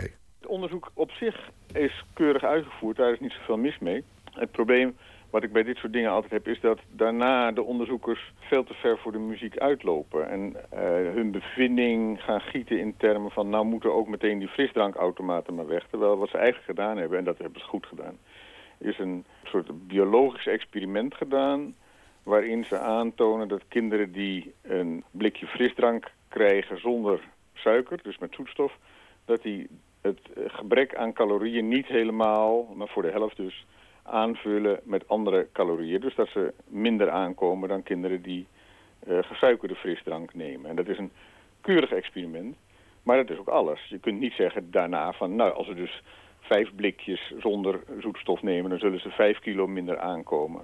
Of uh, als ze het vijf jaar volhouden, zal het vijf kilo schelen. En dat moet je allemaal nog uitzoeken. En je kunt dus niet meteen zeggen van... Uh, dan moeten de frisdrankautomaten ook maar weg, zoals de onderzoekers zeiden. Dus het is het extrapoleren van een kleine bevinding naar uh, geroep in de media. Kijk, ze, ze, waren natuurlijk en terecht heel trots op hun werk. Ze hadden het gepubliceerd in een keurig tijdschrift. En daar waren ze heel tevreden over. En dan, uh, ja, dan zijn kanttekeningen niet altijd even welkom. Men vond het een bijzonder zuur stukje wat ik geschreven had. En, en ik vond gewoon, ja, er, er zijn nog te veel vragen die overblijven. Ook statistische vragen en vragen van wie er nou het meest profiteert als, bij, wijze van spreken, vooral de, de, kinderen die toch al dun zijn, de, uh, de frisdrank laten staan of het meeste uh, afvallen. Dan heb je er niet zoveel aan. Het gaat om de dikke kinderen. En dus allemaal nuances die nog gewoon uitgezocht moeten worden. En dan wordt er toch meteen gezegd van nou, dit is een belangrijk resultaat en dat levert gelukkiger, uh, gelukkiger en minder dikke volwassenen op. Ja, dat gaat mij gewoon te ver. Maar ja, uh, Anton de Goede, het is natuurlijk toch wel aannemelijk dat als er veel suikers zitten in een frisdrankje, dat het beter is om hem niet te nemen. Ik bedoel, blijkt misschien niet rechtstreeks uit het onderzoek, maar het kan geen kwaad om, om de frisdrankautomaat wat vaker te mijden, lijkt me. Ja, maar het goede van Hans van Manen is dat hij inzoomt op het onderzoek. Hij kijkt van wat wordt er nou eigenlijk onderzocht? Wat voor conclusies worden er uitgetrokken? En dan mist hij een aantal dingen. In het boek Broddelwetenschap, heerlijk om te lezen. Uh, ja, komt hij toch met, uh, met, met leuke argumenten. Natuurlijk hebben we ook die Jaap Seidel gevraagd zijn reactie te geven. Ik vroeg hem of hij nog steeds vindt dat de frisdrankautomaat afgeschaft moest worden. Ja, hij moet weg. Er moet, er moet in ieder geval water zijn waar, waar kinderen... Want kinderen reguleren hun dorst. Uh, en daardoor nemen ze vloeistoffen tot zich. En dat hoeft helemaal geen ander iets te zijn dan water. Alle dieren drinken water als ze dorst hebben. Mensen ook als ze de kans krijgen. Maar wij hebben bedacht dat daar suiker bij moet. Nou, die suiker is niet voor de dorstregulatie. Die heb je eigenlijk nodig voor de energie. Maar de energie die krijgen we al te veel. Dus die frisdranken kunnen eigenlijk heel gemakkelijk gemist worden in het voedingspatroon. Zonder dat er een van de compromis nodig is uh, aan verlies aan voedingsstoffen of wat dan ook. Ja, en hoe zou u dan eigenlijk het hoofdstukje willen beoordelen dat Van Manen over uw onderzoek heeft geschreven? Nou, ja, Van Manen heeft misschien wel een beetje gelijk dat je nooit op basis van één experiment kunt doorextrapoleren naar een hele bevolking en naar uh, grote effecten op lange termijn. Uh, maar dat doen we eigenlijk ook maar heel erg voorzichtig. Uh, maar we zeggen daarbij van als dit het enige was, dan zou je dat nooit kunnen concluderen. Maar we weten zoveel meer. Er is een totale hoeveelheid informatie over die frisdranken die maken dat we toch vrij zeker weten dat het een belangrijke bijdrage levert aan het ontstaan van overgewicht. Hans van Manen heeft eigenlijk gelijk waar hij zegt... er is toen geschermd met grote woorden verwijzend naar dat onderzoek. Dat onderzoek was eigenlijk mager, maar er is veel meer kennis... en die ondersteunt de visie van weg met de frisdrankautomaat. Ja, ik ondersteun die visie, maar ik wil er nog wel in tegen inbrengen... dit is de grootste en meest langdurige studie die ooit is uitgevoerd met dit soort dranken ter wereld, in ever. dus dat, dat dit een kleine onbetekenende studie is, dat is niet waar. Het gaat om vele honderden kinderen die gedurende een hele lange tijd zijn gevolgd. Dus dat is uh, wel makkelijke kritiek, maar dit onderzoek heeft miljoenen gekost en uh, enorm veel inspanningen voor de uitvoering. Dus dat het maar één studie is en dat het allemaal niet zoveel betekent, dat is ook niet waar. Daarom is het ook gepubliceerd in de New England Journal of Medicine, omdat dit soort studies eigenlijk nooit wereldwijd dan ook maar ergens gedaan worden. Anton, nou zijn we precies waar je altijd eindigt met die voedseldiscussies. Namelijk de ene expert zegt het een, de ander zegt het ander. En dan moeten mensen maar op hun eigen gezond verstand afgaan. En dan kiezen ze gewoon waar ze het meest trek in hebben. Dat is nou precies het probleem met voedseldiscussies. Dat is precies het probleem. En daarom heb ik nu een heel erg uh, leuke man, vind ik, gevonden. Dick Veerman. Goed zo, we kiezen gewoon voor de leukste man. Dat is de beste ja, oplossing. Nee, nee, nee, maar dat is een derde. En die heb ik gevraagd om een Salomons oordeel te vellen. En dat is Dick Veerman, de man van Foodlog. Iedereen die in voedsel geïnteresseerd is... die moet een keer op internet naar dat Foodlog gaan. Is in 2005 opgericht en hij schrijft daar uh, hele goede stukken. Ik vroeg aan hem, wie heeft er gelijk? Deze Hans van Manen met zijn bedenkingen tegen het vuuronderzoek... of heeft de wetenschapper Paul Seibel gelijk? Luister naar Dick Veerman. Waar het om gaat is dat de frisdrankindustrie altijd zegt... je kunt helemaal niet bewijzen dat... Nee, dat klopt, dat kun je niet bewijzen. In de werkelijkheid zijn er een heleboel factoren die ervoor zorgen dat we dikker worden. Hè? We, we, bewegen minder, we zitten meer achter screens, we eten niet meer aan tafel het zal allemaal bijdragen. En dan heeft de frisdrankindustrie zeker allemaal gedaan, zegt de frisdrankindustrie. Nou, dat is, dat is de hele inzet. En dan ga je dus een onderzoek proberen te doen naar die ene factor, frisdrank. Nou, dan krijg je dus het gezeik wat Van Manen daarop kan doen, want het is ook een beetje muggenziften. Hè? Uh, maar ze hebben alle twee een beetje gelijk. Van Manen kan denk ik best zeggen... was dit nou helemaal conclusive? Hè? Dus duidelijk, uiteindelijk echt onderzoek en bewijs? Nou, nee. En Jaap Seidel zegt dat al. En Jaap Seidel zegt natuurlijk ook nog iets heel anders. Je hebt toch eigenlijk helemaal geen onderzoek nodig... om te bewijzen dat je van frisdrank met uh, eh, 14% suiker dikker wordt dan van water. En dat is bijna de krankzinnigheid die hierin is geslopen. Uh, om te bewijzen dat er een kwaad is en dan te wijzen naar de frisdrankindustrie... moet je één oorzaak uitgaan, uitgaan of helemaal bewijzen en helemaal uit en na onderzoeken. En dan zitten er altijd flaws in dat onderzoek. Ja, dat zal wel. Dus ik vind het, het wat Van Manen doet, ja, reuze interessant... Uh, die, die schiet een onderzoek af wat te precies wil wezen. En het onderzoek is, als je je gezond verstand gebruikt, helemaal nergens voor nodig. We krijgen gewoon heel veel suiker binnen. Nou, als we dat zouden beperken, dan zegt ieder gezond verstand... dan zullen we daar wel dunner van worden. Ja, nou, dus eigenlijk vind ik het een debat wat nergens over gaat. Nou, dat is de mooi verspeelde moeite van die meneer Van Manen... en van die duurbetaalde wetenschapper meneer Seidel... en van de VPRO Radio die daar dan tien minuten aandacht aan besteedt. nou, daar gaat dus inderdaad heel erg veel moeite in zitten. En ik denk dat je inderdaad veel beter het gezonde verstand zou kunnen opspelen. En in de media zou kunnen zeggen... jongens, het is nogal evident dat het aan suiker ligt. Dus al die bronnen van suiker waar we meer en meer van consumeren zou dat misschien een beetje minder kunnen. dat, dat, is, dat is zo evident. En laten we echt wel wezen, druivensap is nog erger dan Coca-Cola. Ook dat nog eens een keer. Hè. Dat mag ook wel eens veel harder opgezegd worden. Daar hebben we ook geen onderzoek voor nodig om dat te bewijzen. Al dus eh, Dick Veerman van eh Voetlog. Ja. Geen druivensap. eh, en liever nog co- cola drinken. Kijk, dat is, daar hebben we ook dan weer wat aan. Is wijn ook eh, Ehm, druiven? Ja, wijn is ook druivensap. Nou, Ja, is ook niet goed, hè? Dat was ook een mythe die eh, is doorgeprikt sinds kort. Dat wijn gezond zou zijn voor hart- en vaatziekten. nou ja, morgen dus Enfin. eh, Wereldvoedseldag. Eh, dat gaan we vieren door op een zeker moment die dag te eten, neem ik aan. En eh, ik wens jou een hele goede nacht, Anton de Goede. Wederzijds, Pieter. Dank. Andrew Barlow en Louise Rhodes vormen het duo Lamb. Was ooit een exponent van wat toen heette trip-hop in de jaren negentig. Ze zijn al ontzettend lang bezig, maken vrij getrouw regelmatig een album. En er is er net één uit, een nieuw album, Backspace Unwind. Met daarvan het nummer Nobody Else. When you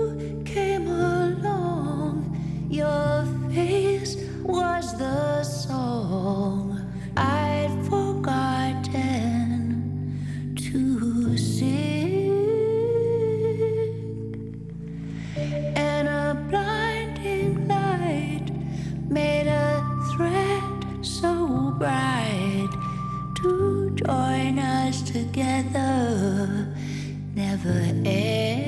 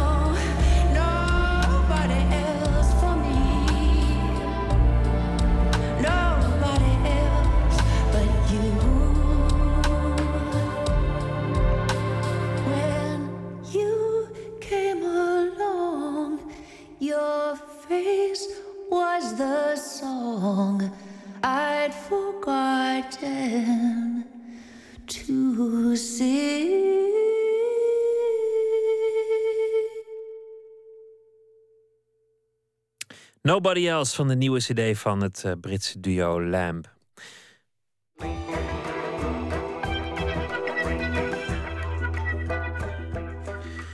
Milan Kundera, de schrijver van De ondraaglijke lichtheid van het bestaan, inmiddels 85 jaar oud, heeft een nieuw boek. Het eh, Feest der Onbeduidendheid doet nog even vitaal en jong aan als zijn vroege werk. Afgelopen zondag in de Bali in Amsterdam kwamen liefhebbers en fans van Kundera bij elkaar om daar een eigen feestje der onbeduidendheid te vieren. En dus te praten over Kundera en zijn boeken. Matthijs Deen, die al een tijdje niks meer van hem gelezen had, maar er zulke goede herinneringen aan had dat hij het ook niet eens meer wilde proberen, ging er toch naartoe. Kent u dat? Je hebt ooit dat ene boek gelezen, je was nog niet eens twintig. En je wist niet wat je overkwam. Het maakte een overweldigende indruk op je. Het ging over liefde misschien wel, of over een groot bevrijdend idee. Een reis waarin allerlei beklemmingen wegvielen. Een bevrijding, seks, een drama. En jij was erbij. De wereld bleek zoveel groter en intenser en veel belovender dan je je ooit had kunnen voorstellen. Jij wist het opeens, door dat boek. En dan ben je twintig jaar ouder. Je leest het boek opnieuw. En je bent op zoek naar diezelfde betovering, maar de ruimte die je toen overweldigde is klein geworden. De betovering blijft uit. En je ziet dit boek in een hard licht alsof er een enorme TL-buis is aangezet. En wat je leest is niet alleen het boek, maar vooral de tijd die is verstreken en de ontvankelijkheid die is verdwenen. Dat kan literatuur ook zijn. Een lachspiegel waarin je ziet wat de tijd met jou heeft gedaan. Als je dat niet hebben kan, kan je een oud lievelingsboek maar beter laten staan waar het staat. Weggeborgen, dicht, uit. Maar toch, het kan ook wat opleveren om te herlezen. Het kan ook zijn dat het boek in plaats van de oude betovering iets anders biedt. Alsof je, in wat je dacht dat een bekend huis was, opeens een deur vindt die je niet eerder had opgemerkt. Waarachter zich een trap blijkt te bevinden naar een kelder of een verdieping met een heel nieuw uitzicht. Zondagmiddag kwamen in de Bali in Amsterdam op uitnodiging van de Stichting Literaire Activiteiten Amsterdam lezers van Milan Kundera bij elkaar. Aanleiding was het nieuwe boek van Kundera, Het Feest der Onbeduidendheid. Titel die je doet denken aan zijn eerdere boek, De Ondraaglijke Lichtheid van het Bestaan, waarvan ook die film is gemaakt. Een van de aanwezigen in de Bali, NRC-criticus Arjen Fortuyn, had ter gelegenheid van deze bijeenkomst de ondraaglijke lichtheid van het bestaan voor de tweede keer herlezen. En ook hij zag in het boek zichzelf als jonge, licht ontvlambare lezer terug. Op je achttiende ben je formeel volwassen. Ik stond toen precies tussen mijn middelbare schooltijd en mijn studietijd. Dus ik vond mezelf heel wat. En achteraf denk ik van ja, het is de, je bent eigenlijk nog gewoon een kind. En zeker ik was toen nog in hoge mate een kind. Nu, het grappige is dat je dus in dit geval eigenlijk de literatuur als een soort spiegel gebruikt, waar je dus opnieuw in gaat kijken. Ik had eigenlijk me nooit gerealiseerd dat dat ook een functie van boeken en lezen kan zijn. Nou, ik vond het wat dat betreft wel een heel mooi, de, heel mooi effect. Je hebt heel vaak dat mensen. Ik bedoel, er zijn boeken die ik wel vaker herlezen heb. eh, en die vind ik dan meestal altijd nog heel mooi. Er zijn ook wel boeken. Wat je vaak van mensen hoort van ja, dit vond, dat vond ik toen prachtig. Dat durf ik echt niet te herlezen. Want ik ben bang dat ik het nu niks vind. En dat ik dus mezelf ontmasker. En wat mij vooral in dit stapeltje opviel, was dat ik inderdaad dat ik heel anders las. En sommige dingen ook wel echt helemaal niet goed meer vond. En andere dingen juist briljant. En dat ik heel vaak dacht van hé, hier heb ik destijds amper iets van kunnen begrijpen. Maar dat er ook wel een soort. eh, ja, dat er onder iets zit van dat je dat de, vaak veel meer over jezelf nadenkt. En ook dat je, maar dat je ook wel voelt van er is in bepaalde hele goede boeken die ik toen las, waar ik volgens mij niks van begreep, maar die ik wel herkende als, nou, in ieder geval als iets wat echt iets voor mij was. Maar is het ook niet zo dat als je, als je jonger bent en je leest, dat je een soort onbevangenheid hebt en dat je ook veel dieper geraakt kan worden? Nou, zeker met de, ik denk zeker op, op psychologisch, bedoel, je leest volgens mij heb je 18 toch heel erg op, eh, op, op, op de liefde en op grote behapbare ideeën. En dan denk je ook inderdaad, ja, dit, is, dit is het grootste, het beste, het mooiste. Ook omdat er natuurlijk, er is dan nog niet zo heel veel concurrentie. Ik bedoel, het is net de eerste liefde. Dan heb je, ja, mooier wordt het niet. Maar je hebt ook natuurlijk geen bal vergelijkingsmateriaal. Terwijl bij je derde, vierde en vijfde liefde... dan zie je alweer allerlei nuances. En dat is ook een hele... Wat dat betreft is het een hele fijne en dankbare periode.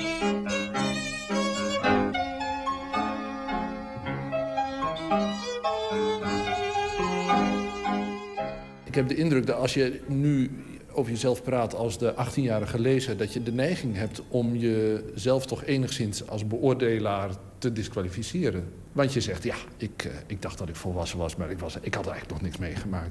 Maar wat is nou eigenlijk het goede oordeel over dat boek? Want dat, dat was toch ook een puur oordeel? En dat ja, was toch dat, nee, maar sterker nog, het, de, de, daar dacht ik ook wel aan... van dat ik eigenlijk natuurlijk over 25 jaar weer diezelfde stapel uh, tot me moet nemen als, uh, als 68-jarige, ben ik dan. En dan waarschijnlijk me evenzeer vrolijk maken over de eigenwijze, naïeve dingen... die ik op mijn 43ste over die boeken te melden meende te hebben. Want het is, het draait, ik bedoel, die molen draait uiteindelijk de hele tijd door. De leeservaring vernieuwt zich steeds. Ik heb hier ook wel van geleerd dat ik daar dus ook niet zo heel absolutistisch in moet zijn. En dat je uiteindelijk moet concluderen dat de eerste keer toch de puurste was... en waarin je de bijzonderste dingen uit een boek hebt gehaald.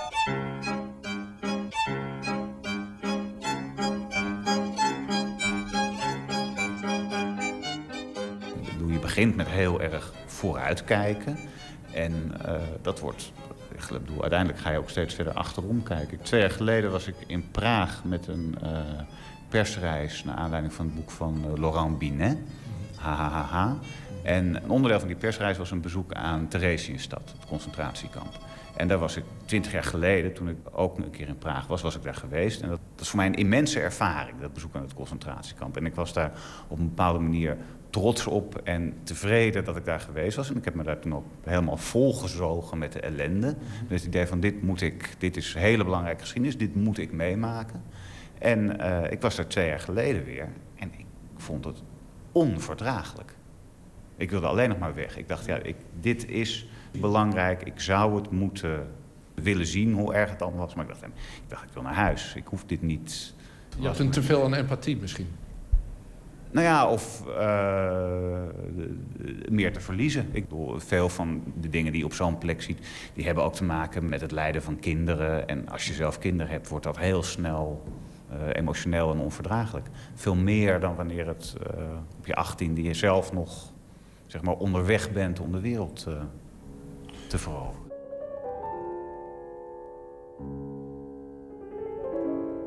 De boeken die je leest en die je herleest op latere... dat is een, een soort uh, lachspiegel van jezelf uh, vroeger. En het is een spiegel waarin je je eigen ontwikkeling ziet. Um, hoe is dat nu bij Kundera gegaan? Um, is Kundera daar een goed boek voor? Of heb je eigenlijk uh, andere boeken die dat duidelijker maken voor je?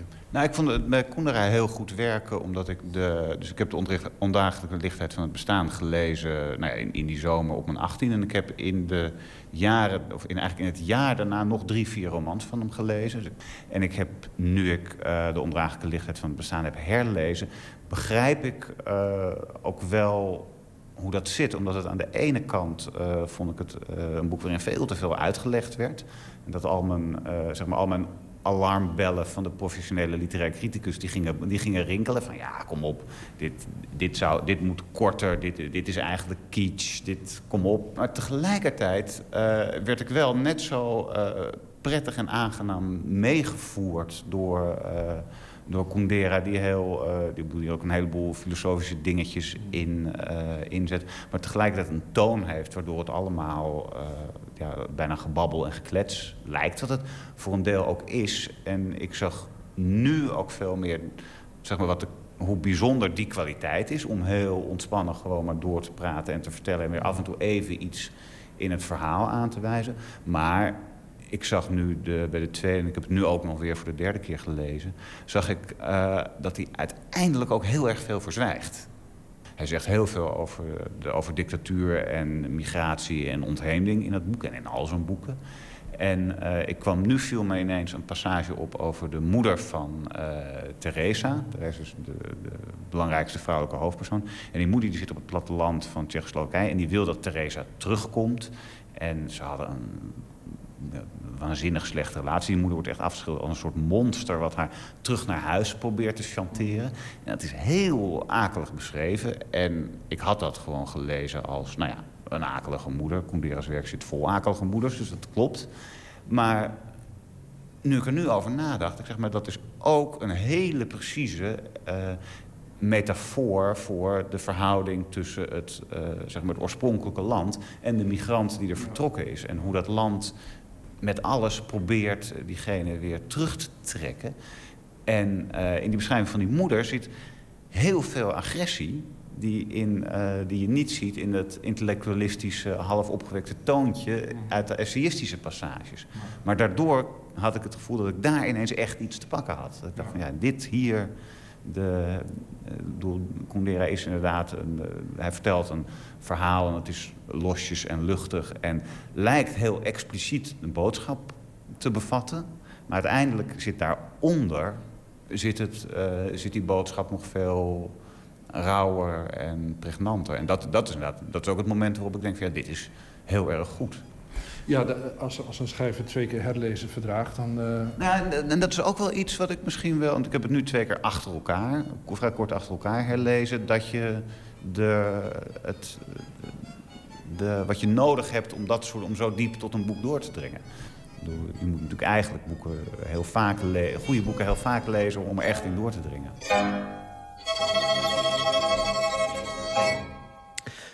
Arjen Fortuyn over Milan Kundera en over de tand destijds. Een bijdrage van Matthijs Deen was dat. We gaan luisteren naar de Handsome Family, Far From Any Road.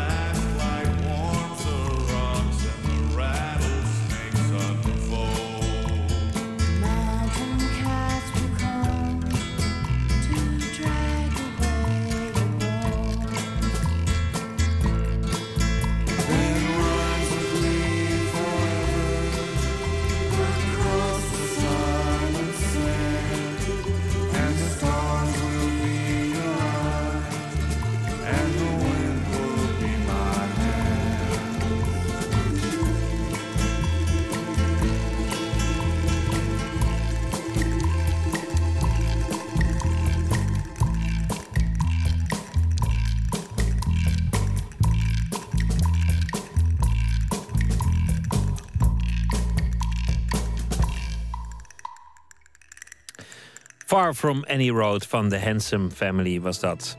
Dit was Nooit meer slapen voor vannacht. Morgen zijn we er weer na middernacht. En dan komt eh, Joost de Vries langs, kunstredacteur bij de Groene Amsterdammer en schrijver van romans Clausewitz en de Republiek, waarmee hij zich al eh, flink gevestigd heeft als eh, auteur. We gaan het hebben over zijn werk en over het leven en andere dingen. En we gaan het ook hebben over nepwapens, want tijdens de Koude Oorlog was er in Oost-Duitsland een speciale afdeling in het leger opgericht om nepwapens te ontwikkelen, te bedenken en te fabriceren. Dat allemaal morgen. Voor nu een hele goede nacht. Morgen een leuke dag. En straks op deze zender uh, de nacht van Francisco van Jolen van de VARA. Ik wens u een hele goede nacht. Op Radio 1. Het nieuws van alle kanten.